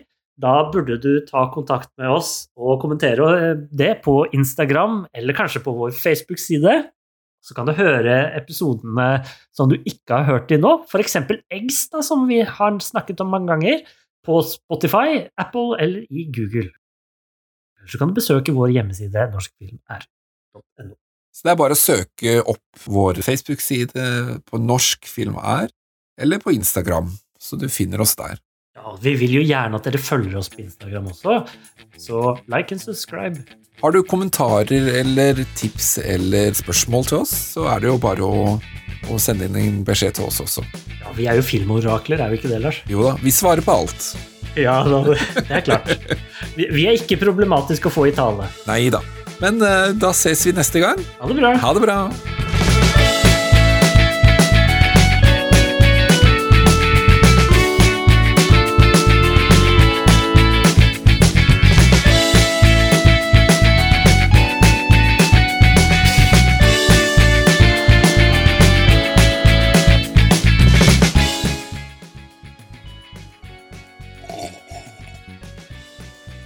Det var en digresjon. Ja, det er jo st- stadig vekk her. Um, Ja, Det er derfor de blir så lange, disse episodene.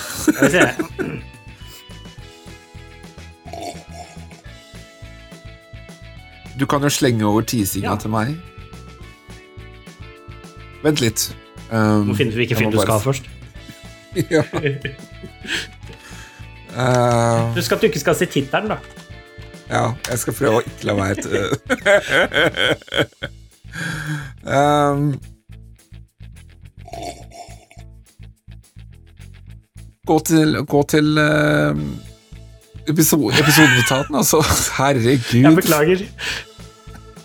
Jeg skulle til å si noe. Ja, jeg vet det. Uh, Men når jeg, når jeg nå sa at jeg synes kanskje 'Salmen fra kjøkkenet' er den beste Mm. norske filmen, så er kanskje 'Oslo 31. august' den filmen som jeg tenker er Er det kanskje den? Eller er det Elling? jeg vipper mellom Det er et par andre vipper der òg. mellom Elling og uh, Kongens nei. Ja, For jeg mener at Kongens nei er ikke bare sykt spennende, men den er også veldig bra og- laget, og den er også viktig, syns jeg.